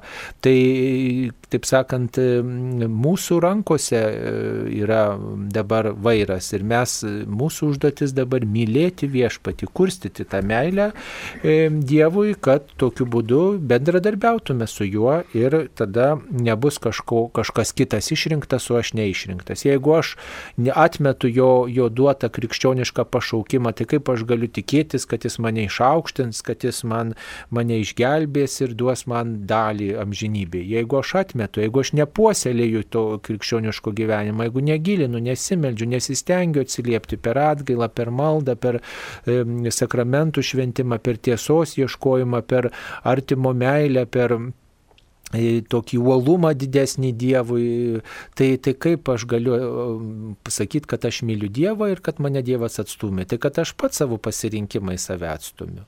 Tai reikėtų mums daryti išvadas ir atsiliepti į Dievo išrinktumą, į tą Dievo išaukštinimą, kurį viešpats man kaip krikščionių, kaip žmogui dovanoja. Taip, mums paskambino. Anelė iš Vilniaus. Taip, Anelė, klauskite. Taip, aš norėčiau jūsų e, paklausti, kuo skiriasi, ar iš vis nesiskiria siela nuo dvasios ir kaip jinai skiriasi viena nuo kitos siela nuo dvasios kuo skiriasi? Nu, labai jau čia platus klausimas, žinot, e, e, labai reikia didelio komentaro. Trumpai tariant, dvasia tai yra Dievo įkvėptas alsavimas mumyse. Siela yra tai, kas būdinga psichinė mūsų funkcijom. Va. E, reiškia, jeigu taip sakytume, dvasinė siela mumyse tai yra dieviškas panašumas. Kartais laikomi sinonimai siela, dvasia, turint galvoj tą tokį žmogaus žmogaus tas tokias nematerialias galias, tai sakoma siela, bet jeigu norime pabrėžti tą Dievo buvimą dvasinė siela, sakom, Dievo alsavimą mumyse, dvasinė siela mumyse e, yra. Tai siela dvasia laikoma sinonimais, tačiau e, jeigu norime labiau tiesiog pabrėžti, kad esame būtent Dievo žmonės, Dievo vaikai, tai sakom, kad viešpats mums davė savo dvasę ne, ir kad mes Dievo dvasios esam sklydini. O kai kalbam, pavyzdžiui, mūsų atskirti nuo gyvūnų, tai tada būtina pabrėžti, kad yra ta dvasia mumyse, nes gyvūnai jie turi tą psichinę sielą, ne tą psichiką gyvūnas turi, jis gali ir pykti, ir liūdėti, turi jausmus, ne gyvūnas irgi jisai, bet jis neturi dvasios alsavimo, Dievo alsavimo, panašumo į viešpatį, kurį mes turime. Taip, kunigė, nebent ką pridėsit prie šito klausimo. Tai iš tiesų, vėl čia ilga teologija būtų teisingai paaiškinta trumpai tie dalykai ir aišku, mes kartais irgi ir suvienodinam tos dalykus, ir dvasia ir siela mums tą patį aišku reiškia, kalba apie tai, kas e, nemaru, tai, kas e, neapčiuopiama, bet tai, kas iš tiesų Dievo dovanota, tai mm, nesinori labai vėl į teologinės vingrybės įeiti, tai gal apsistotume tokio atsakymu. Taip. E, dabar dar turim vieną žinutę. Globos įstaigoje užaugusi moteris ir trys jos vaikeliai nekrikštyti gyvena susidėjusi su irgi be tėvų išaugusių vyrų. Du metus dėtos pastangos, kad lankytų katechumenatą, nedavė rezultatų. Kokios gyvenimo be krikšto pasiekmės šiam ir amžinajam gyvenimui? Žinot, tos pasiekmes jos vienam Dievui žinomos. Kol esame gyvi, tol mums visuomet yra galimybė ir priimti sakramentus ir artėti į Dievą, arba tiesiog nusisukti, nusigręžti, nueiti į šalį. Ir e, jeigu per tą mūsų trokštamą laiką tas žmogus atrodo ir nededa jokių pastangų, atrodo ir nei trupučio neina į priekį, tai nereiškia, kad jau tas žmogus turi būti nurašytas ir kad jau Dievas jį pamiršo ir kad mes turime jį pamiršti ir nustoti liudyti tikėjimą, kviesti, raginti, palaikyti maldą, gerų žodžių ir visa kita. Tai e, apie tas pasiekmes, žinot, e, nereiktų iškart galvoti, kad jos jau bus labai blogos ar kad jau, jau viskas, jis turi būti nurašytas tas žmogus. Tai tą paskutinį teismą palikime pačiam viešpačiui, o kokias e, pasiekmes e, bus, tai dar ir priklausys nuo mūsų pačių, kiek mes nepavargsime būti šalia to žmogaus, kiek ištiesime ranką, kiek atversime jam savo širdį, tai tikrai, jeigu mes būsime šalia to žmogaus, tai tikrai tikėkime, kad tos bus geros pasiekmes, kad tas žmogus atsigręš, pajus tą mūsų tikėjimo liudijimą ir kad jis, na, priims Dievo kvietimą ir bus pilnateisis tos bažnyčios šeimos narys švenčiantis Dievo išganimo malonės. Na, jūs melskitės už tą šeimą, už tuos vaikučius, e, tiesiog galbūt tokią draugystę su tai žmonėmis puoselėti reikia, ne tai, kad jūs čia turit lankyti, jūs privalote. Na, tiesiog gal kartais parodyti daugiau reikia artimų meilės tiem vaikučiam, štai gal į šventę kokią pakviesti, gal, gal į stovyklą kokią tuos vaikelius sudaryti sąlygas, kad į krikščionišką stovyklą tie vaikeliai nuvažiuotų, gal, gal kitų būdų kažkaip tokią draugystę su tai žmonėmis žmonėm puoselėti, neparodyti, kad jie kokie raupsuoti čia yra eretikai ar užkėtėję nusidėjėliai. Nu, tiesiog kalbinti, būti šalia tų žmonių, pasistengti mm, belsti jų sąžinę tiesiog ir, ir galbūt ateis laikas, kada tie vaikeliai patys, jie pareikš norą būti krikščionėmis ir, ir, ir, ir tiesiog pilnametystės sulaukia, jau nebereikės e, tėvų sutikimo, galės patys priimti savo valią krikštą. Na, tai yra ilgas kelias, matot, kuris netrunka iki mūsų mirties. Taip mums paskambino. Onutė iš Vilniaus rajono. Taip, onutė, klauskite. Garbėjai Jėzus. Per amžius amen. Iš pradžių norėjau aš labai nuoširdžiai Jums padėkoti už Jūsų tokį nuoširdumą, už gerumą, už Jūsų tokius didelius darbus. Jums te viešpats laimina, Jūs jūsų gyvenimo kelią, jūs tiek atsidavęs žmonėm, pas jūs niekada nesigirdi piktumo, negerumo, blogumo.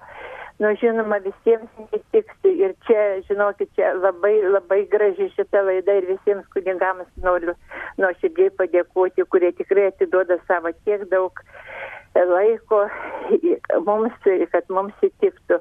O dabar tiesiog turiu prašymą, ar nebūtų galima kada reiškia e, reiškia būna gailestingumo vainikėlis, po gailestingumo vainikėlio būna e, Faustinos, šventos Faustinos dienoraščio, reiškia truputėlį ten pakalba, bet tiek mažai, kad ten pusantros minutės ir mes nespėjom susivokti ir jau pabaigė. Ir mes norime, kad nors, nors porą minučių prailginti, ar neįmanoma. Ten, ten taip įdomiai kalba, ten toks, toks gilus tas mąstymas, tas gilus, tokia gili ta jos kalba.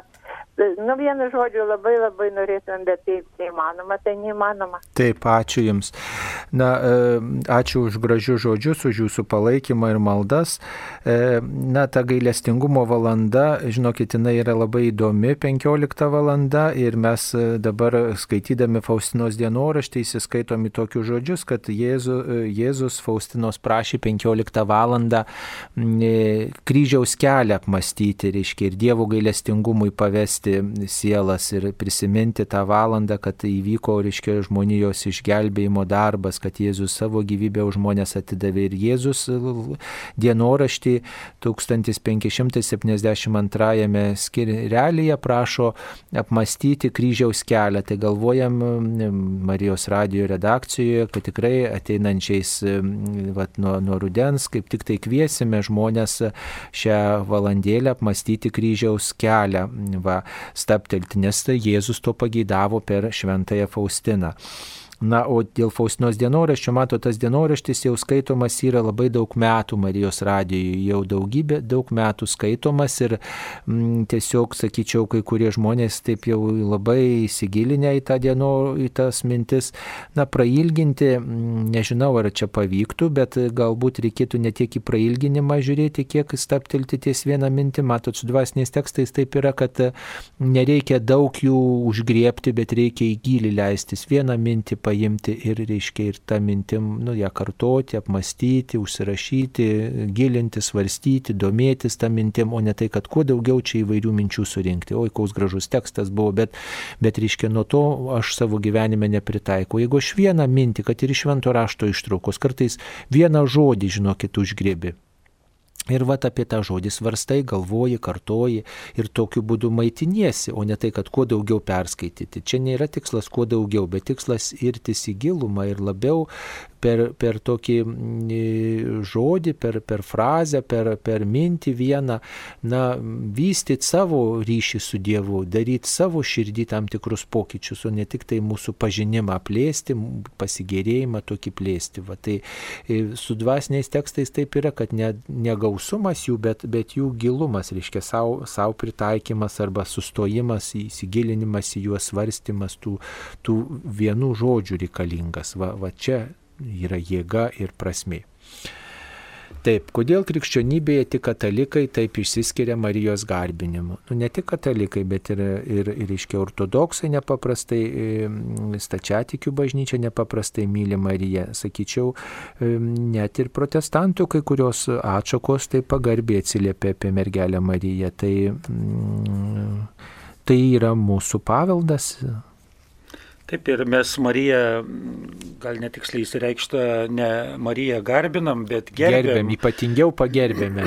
Iš tiesų, tikrai jau ko gero mūsų lietuvių sąmonėje yra ta pagarba mergeliai Marijai išlikusi ir iki šiol tai liudyja mūsų bažnyčių gerbiami tie stebuklingiai Marijos paveikslai, nešami votai ir Ir kaip minėta, iš ties tai yra ne tik katalikai, bet ypač ir ortodoksai, pas juos tikrai mergelės Marijos atvaizdas taip pat su pagarba išstatytas, gerbiamas, ir, bet vis dėlto tai nėra e, kažkas lygu su vienu trybėje Dievu. Mes žinome, kad pačiam Dievui bažnyčia teikia aukščiausią taip vadinamą letrijos kultą O šventiesiems yra taip vadinamas dulyjos kultas, tai toks graikiškas žodis dulios tarnas.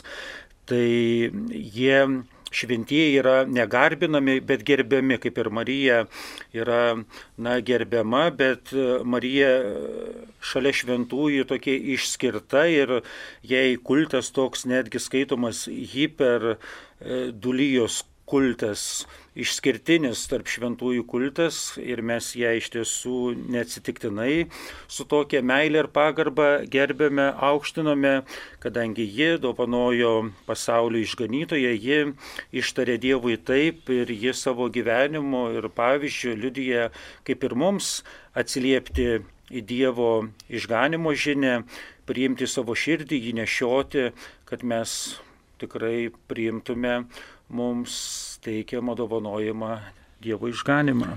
Nu, jie yra tiesiog mums pavyzdingo krikščionio Kristaus sėkėjo pavyzdys, kuri e, be galo nuolanki, kantri, kukli ir kuri rūpinasi ne tik savimi, ne tik tai kaip pačiai atsiliepti, bet kaip ir krikščionių bendruomeniai, kaip daugeliu žmonių padėti. Va, ir, ir pirmas stebuklas e, Jėzaus padarytas kanos vestuvėse būtent Marijos užtarimu, rūpeščių, dalyvavimu tai įvyko, o be to žinom, kad ir Marija daugybę kartų apsireiškė žmonijai žmonijai ir tie prieiškim, apsireiškimai Marijos yra pripažinti bažnyčios kaip tikri ant gamtiniai ir, ir jie na, liūdija jos ypatingą rūpestį, dėmesį žmonijai, kad jie, jai rūpi, kaip žmonijai sekasi gyventi krikščionišką tikėjimą. Tai mes džiaugiamės Marijos dalyvavimu kaip ypatingą Dievo dovaną mūsų istorijoje. Mums paskambino. Virginija iš Vilniaus. Taip, Virginija, klauskite garbėzui Kristui. Per amžius. aš norėčiau sužinoti jūsų bažnyčios požiūrį į kai kurias religinio turinio knygas, kuriuose, tarkim, aprašomo Kristaus arba Marijos apsiriškimai ir nu, nurodymai šių, ką, šių dienų žmonėms. Kiek jūs, aš ne apie Fatimą kalbu, ten tų apsiriškimų yra, nu, tarsi daug, nu, nu, knygose nurodyta. O kokias turit galvoj, kokias e, tai va, knygas? Turiu, turiu, turiu knygą e, apreiškimai pasaulietiai e, apaštaliai Anijai, pokalbiai su Haristinė Jėzus širdimi, o ir paskui maldos iš širdies Lornos Brne, angelai glosto man plaukus. Tai vat, koks požiūris, ar nenuodėmėtas knygas skaityti ir, ir ar jos yra pagristos, kiek, kiek pagristi tie, tie ir ar reikia naudoti e, tuos nurodymus, Mhm. laikytis tų nurodymų. Taip, tai ačiū Jums, kad Jūs domitės. Nuodėmė skaityti tokias knygas nėra, tačiau Tačiau, matot, reiktų labai žiūrėti atsargiai. Visų pirma, skaitydami bet, kokius, bet kokių apsireiškimų istorijas ir, ir, ir, ir tiesiog žinias apie tuos apsireiškimus, apie tų apsireiškimų turinį, turime žiūrėti, ar tai yra pripažinta oficialiai bažnyčios, reiškia vietinio vyskupo ir apskritai ar tai patvirtinta bažnyčios. Jeigu tai nėra patvirtinta, tai reiškia privatus apsireiškimas ir ta, ta žmogus, štai tam žmogui, jeigu buvo, nu, tai reiškia jo tikėjimui tai ir, ir, ir skirta ir, ir jis tegul su tuo gyvena. To, tuo prieškimų platinimas na, jis toks gali kartais būti įtartinas. Va. Ir dėl to na, nerekomenduojama skaityti tokių, tokių knygų, nes mūsų tikėjimui tai gali padaryti meškos paslaugą, truputį iškreipti, nes mes domėdamiesi tokiais apsireiškimais ir vykdydami jų turinį, mes kartais rizikuojam nutolti nuo autentiško krikščioniško tikėjimo, nuo autentiško bažnyčios gyvenimo. Ir e, galim padaryti meškos paslaugą mūsų tikėjimo keliui. Tai taip, kad labai atsargiai m, reikia žiūrėti į tuo prieškimų turinį. Va, ir sakyčiau, visada, jeigu jum pakliuvo kokia knygelė, koksai, koks, koks prašymas kažką daryti, tai atrodo įtartinai. Va, jeigu tas prašymas įprastai maldos praktikai prieštarauja, kas įprastai yra bažnyčioje. Pavyzdžiui, pasninkas, malda, atsiprašymas, atgaila yra įprastos praktikos, tačiau jos nėra kažkaip, nu taip jau pavyzdžiui, maldos būdai nėra kažkokie ten tik tai tokie, o ne kitokie. Ir, reiškia, yra palikta laisvė. Pasninko ten e, formos yra reglamentuojamos viskupų konferencijos nustatyta, va, kada pasninkaujam, kokiais būdais. Ir, ir jeigu, pavyzdžiui, jūs radot kažkokį apsireiškimą, kad ten tokį pamaldumą ar tokį pasninką praktikuoti, tai reikia pasitarti taip pat ir su savo dvasios tėvu arba nuodėm klausiu, va, kad mes neusikrautume tokių naštų, kurios mus na, stumtų į kažkokį aklygatvį. Nebent kunigė dar ką pridėsit. Tie apsireiškimai, kurių mes tikrai begalės išgirstame ir kur, kurių priskaičiuojama per visą pasaulį apie 2000 įvairiausių Marijos ir Jėzaus apsireiškimų ir žinome, kad visuomet ten, kur tokie ryškesni apsireiškimai iškyla, bažnyčia įsikiša, tyria, žiūri, kokia tai skelbiama žinia ir panašiai, nors kad ir koks bebūtų pats stipriausias apsireiškimas iš dangaus žinia mums siunčiama, tai nėra kažkoks tai Jėzaus Kristaus mums duotas apreiškimas per šventąjį raštą, tarsi pridėjimas kažko, ko dar nepreikšto, ko dar nepridėta, ko mes dar nežinom, tai nėra kažkoks pakaitalas. Ir visos tos žinios, kurias mes išgirstame, sužinome, skaitome, tai yra mums įprasta kaip paskatinimas visuomet žvelgti į tą patį reikalingiausią, patį mums būtiniausią apreiškėja Jėzų Kristų. Ir kad ir, sakykime, tie bažnyčios pripažinti apsireiškimai Europoje ar Latino Amerikoje, tai vėlgi nėra e, krikščioniui, katalikui įpareigojimas būtinai tikėti. Tai tikrai ne. E, visų pirma, mes turime tikėti mums atnešta Jėzaus išganimo žinia, duota per šventąjį raštą ir visa tai, kas skelbiama per tuos privačius apsireiškimus, tai tiesiog e, mūsų žvilgsnio kreipimas ne į kažką tokio egzotiško, kažką naujo, bet visa tai įprasta, kad mums primenama, kas jau mums dovanota, preikšta, žinoma, kad e, neužmirštume tas Dievo mums suteiktas dovanas ir labai kartais norima pasikliauti ir kažkaip e, tas kažkokia kokias mums perskaitytas, sužinotas apriškimo žinias iškelti virš kažko ar panašiai, bet e, žinoma visuomet mums reikia būti atsargiems, jeigu patenka į mūsų rankas kažkokią tai literatūrą apie vienokį ar kitokį apsireiškimą sužinota ir geriausia gilintis į tai, kas mums iš tiesų teikiama per Dievo žodį, čia pats tas stipriausias apsireiškimas, kuris e, yra nepranokstantis ir kuris mums duotas tam, kad mes iš tiesų tai, ką jau turime, galėtume iš tiesų ir tuo pasikliauti ir tą žinę naudotis, tai kas mums duodama per šventąjį raštą ir to, tą, ką mes jau turime, to mums iš tiesų užtenka. Nereikia kažko papildomo, kad dar kažko sužinotume ir kad e, tai atrodo liktais, kad dar kažką liktais m, iš šalies sužinosime, liktais daugiau, liktais e, mums bus tos išganimo lik pilnatvės. Tikrai ne. Tai tikrai yra tik mūsų žvilgsnio kreipimas į tą, ką mes jau turime, tas, kas mums dovanota. Taip, mums paskambino. Paskambino Valerija. Taip, Valerija, klauskite. Taip, Valerija, klauskite, jūs eteryje. Aš norėjau paklausti, ar mūsų klebonas teisingai elgesi, kad paprastom dienomis nelaiko mišių išvažiuoja į kitą parapiją. Nu, aišku, mes, mūsų ten daug paprastom dienom nesusirenka, gal dvi, trys, gal ir viena ateina, bet argi nereikėtų melsis už savo parapiją, nu aš suprantu, bet nuo birželio mėnesio, nu dabar paprastom dienom anksčiau būdavo, dabar, nu nebelaiko jis ir viskas, nežinau aš, kad čia mažai tos tų žmonių susirenka, bet miestelis, taigi čia nedidelis miestas. Nu ir kažkaip labai buvom pripratę prie kito kunigėlio, kuris laikė.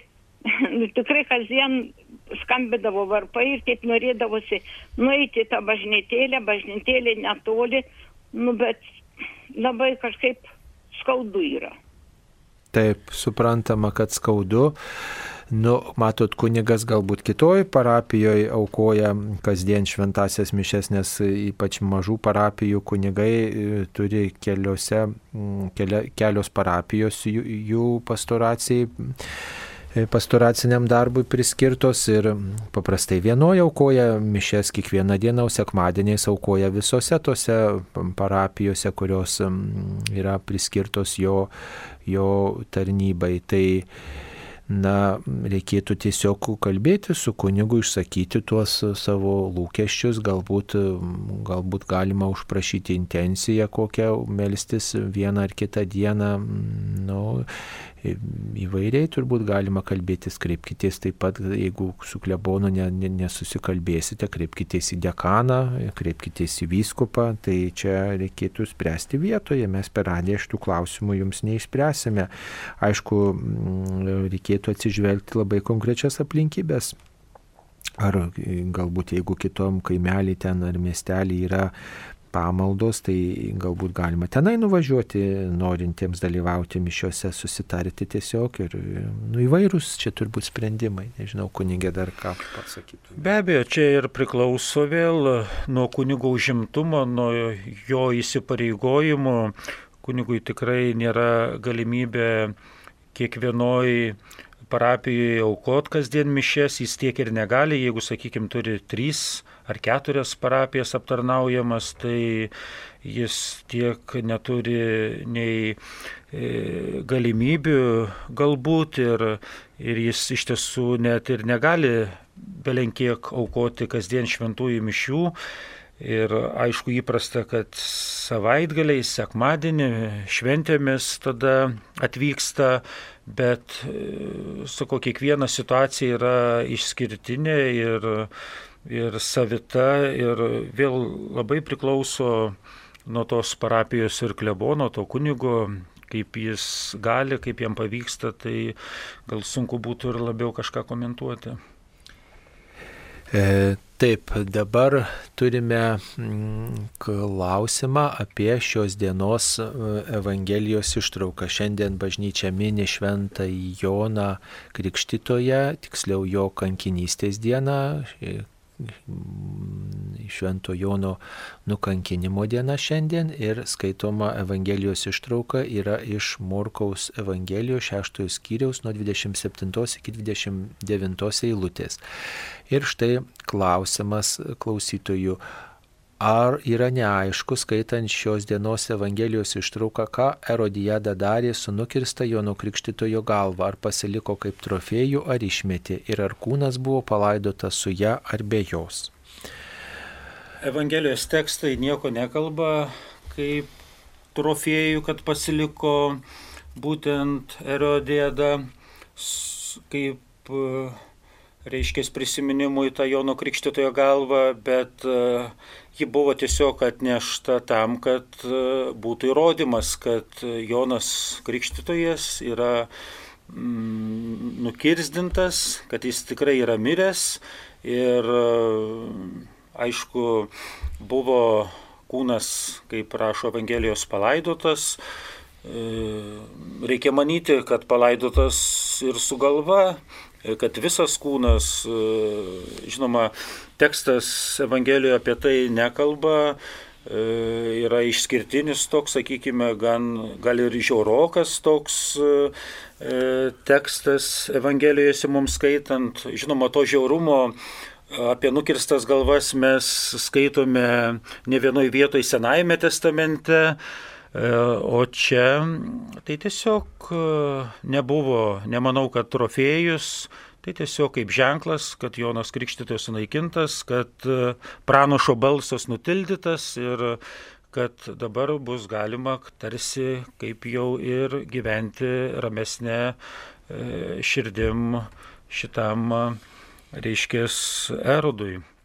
Na, kiek teko girdėti, reiškia, e, Jono Krikštitojo kapas yra Jordanijoje ir ten yra krikščionių bažnyčios dabar jau griuvėsiai.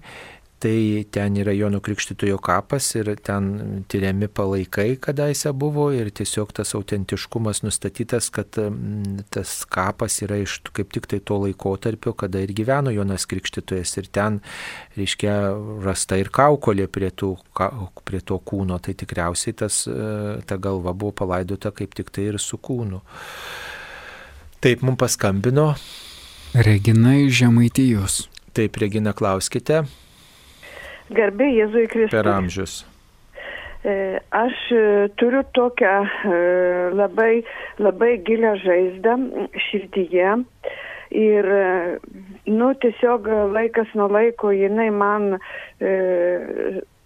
nu, labai skaudžiai aš visą šitą pe, pergyvenu, kadangi aš buvau tikinti, mama buvo tikinti Ir mama, kai susirgo, aš kviesdavau kunigą, kad padarytų ligonio e, patepimą, o, o, o mama mirė kalėdų ryte ir aš buvau labai išvargus ir tiesiog pasimetus ir viena pati.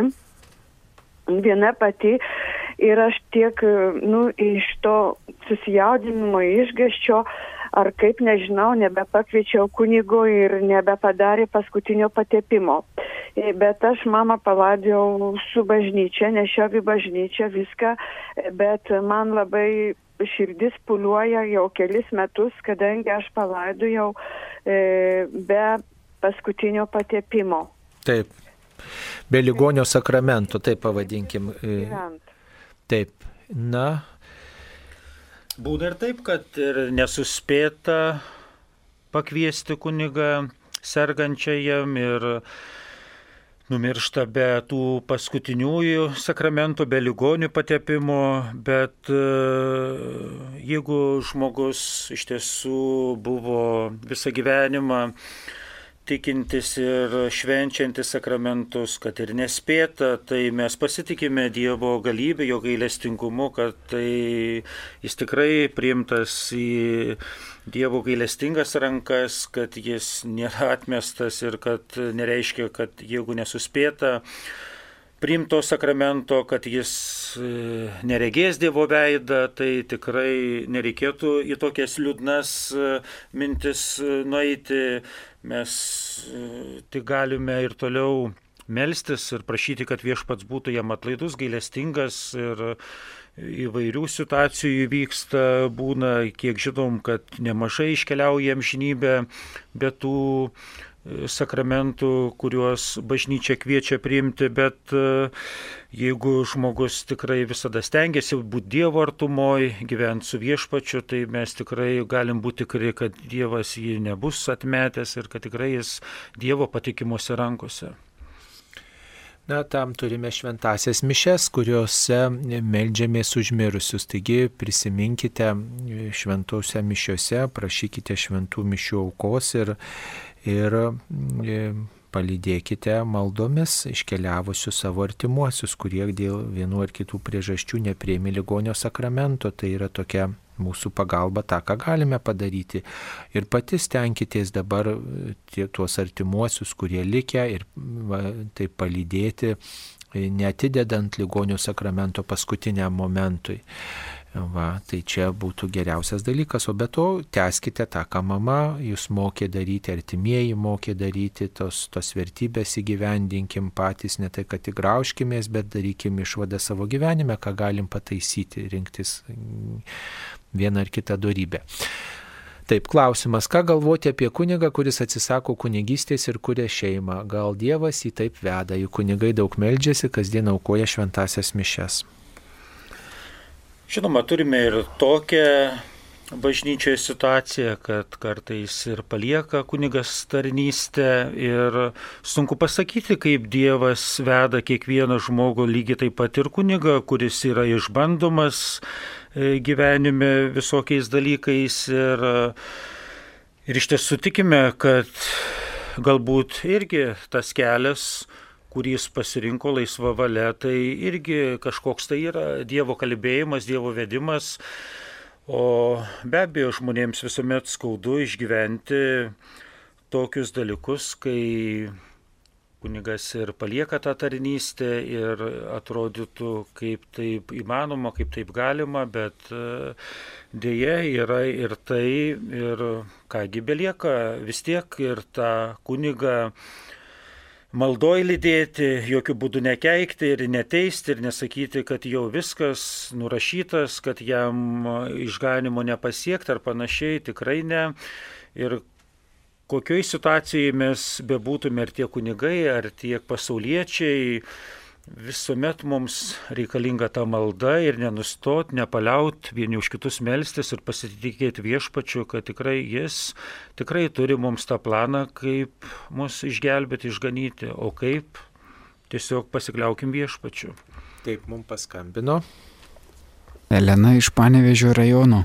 Taip, Elena, klauskite. Garbėsiu Kristų. Per amžius.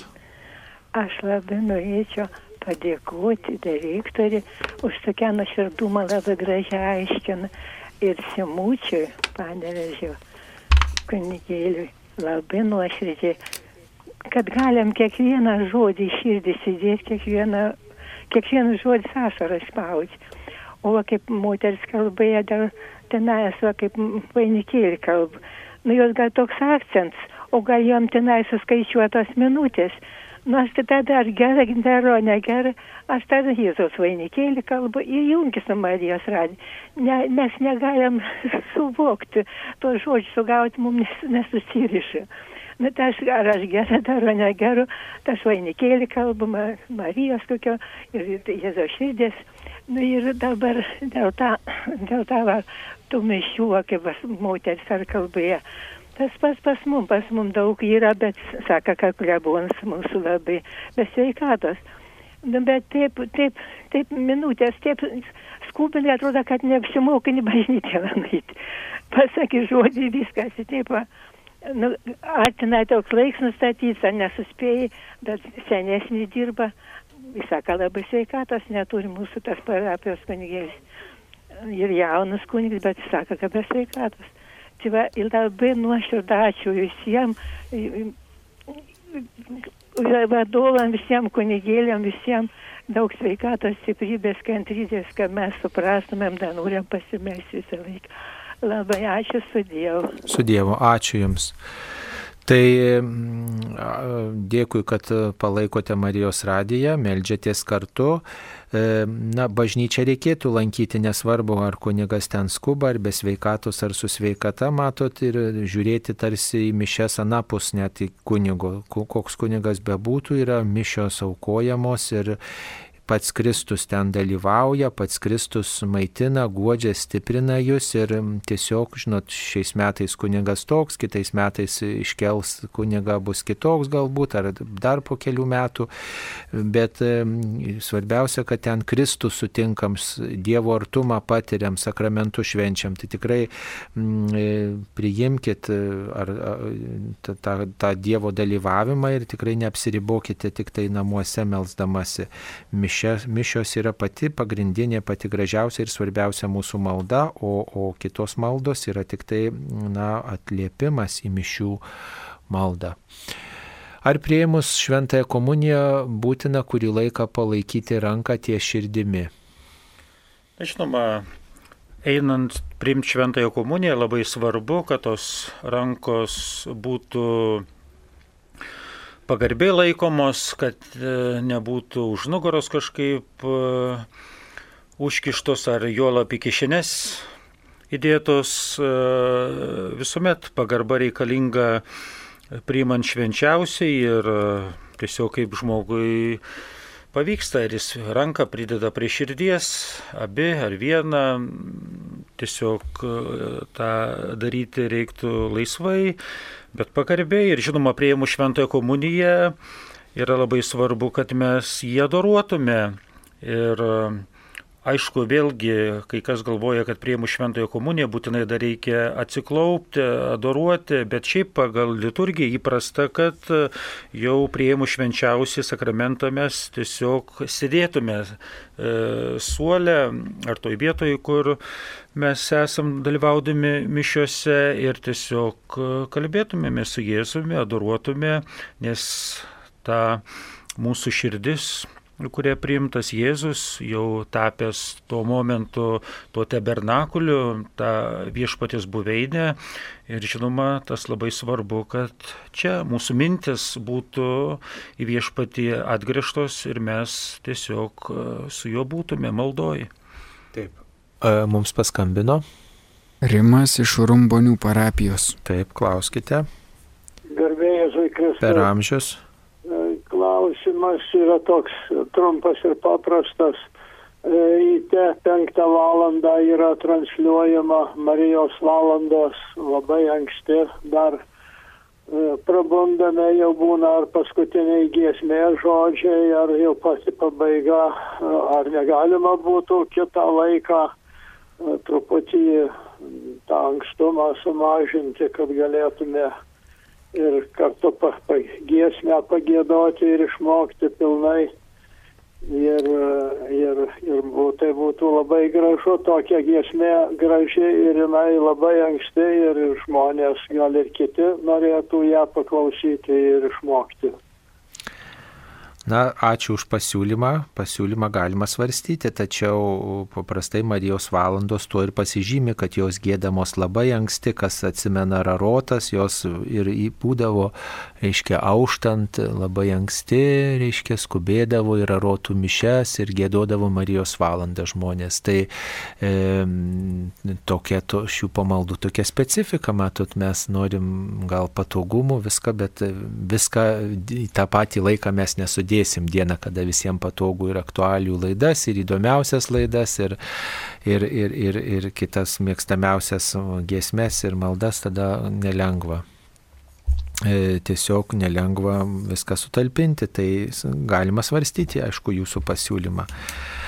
Taip, e, dar vienas klausimas apie tai, kas gali teikti sutvirtinimo sakramentą. Sutvirtinimo sakramentą paprastai teikia vyskupas, nebent įgalioja kokį kunigą, o bet koks kunigas gali teikti mirties valandą žmonėms sutvirtinimo sakramentą. E, ar gali būti perdėtas mirusiojo lankymas kapuose, kai tarkim eina žmona kasdien pas palaidotą vyrą, negana to dar gaunam priekaištą, kaip vaikai nelankom tėvo. Nors kai nuneši gėlių, vis išgirsti komentarą, kad kažkas atnešė prastų gėlių ar netai padėjo. Aišku, gali būti perdatas mirusiojo lankymas, nes mm, mirusius reikia ramybėje palikti, reguliariai aplankyti, kapą patvarkyti, prižiūrėti, nurauti žolės, uždegti žvakelę. Svarbu, tai yra tokia mūsų mirusiems pagarbos tradicija. Mm, va, ta, aišku, ten tą periodiškumą, tai čia nustato patys žmonės, kas kiek laiko ten reikia e, ką palankyti ir ten tvarkyti ir, kaip prižiūrėti čia bažnyčiai tai nesikiša. Svarbu, kad būtų malda prie mirusio kapo ir kad būtų krikščioniškas ženklas, kad štai čia ilsisi krikščionis. O, o žmona, našlė, tai m, aišku, daro, elgesi truputį gal nelabai gerai, jeigu priekaištauja, kad čia prastos gėlės, netai padėtos, tai žinoma, truputį tokius e, estetizuoja tiesiog tą kapą, ne, ir tas e, kasdienis lankymas, jos pasirinkimas, žmogus gal užstringa gedulė tokiam, truputėlį pasilieka, bet tam tikrą laikotarpį tas gali būti suprantama, vėliau iš to gedulo pamažu žmogus yra kviečiamas išeiti, kaip sakant, toliau tęsti savo gyvenimo kelionę. Va, o vaikams tą priekaištą daryti, na, gal kartais galima priminti, bet reikia nu, atsargiai tą daryti, nes kitaip alergiją galima įvaryti. Taip. Na ir paskutinis klausimas, kurį mes norim atsakyti, kurį klausimą atsakysim kunigė. Taip. Apie nukryžiuotąjį. Pastebėjau, kad bažnytinėme mene nukryžiuotasis beveik visada vaizduojamas palenkęs galvą į dešinę pusę. Kodėl?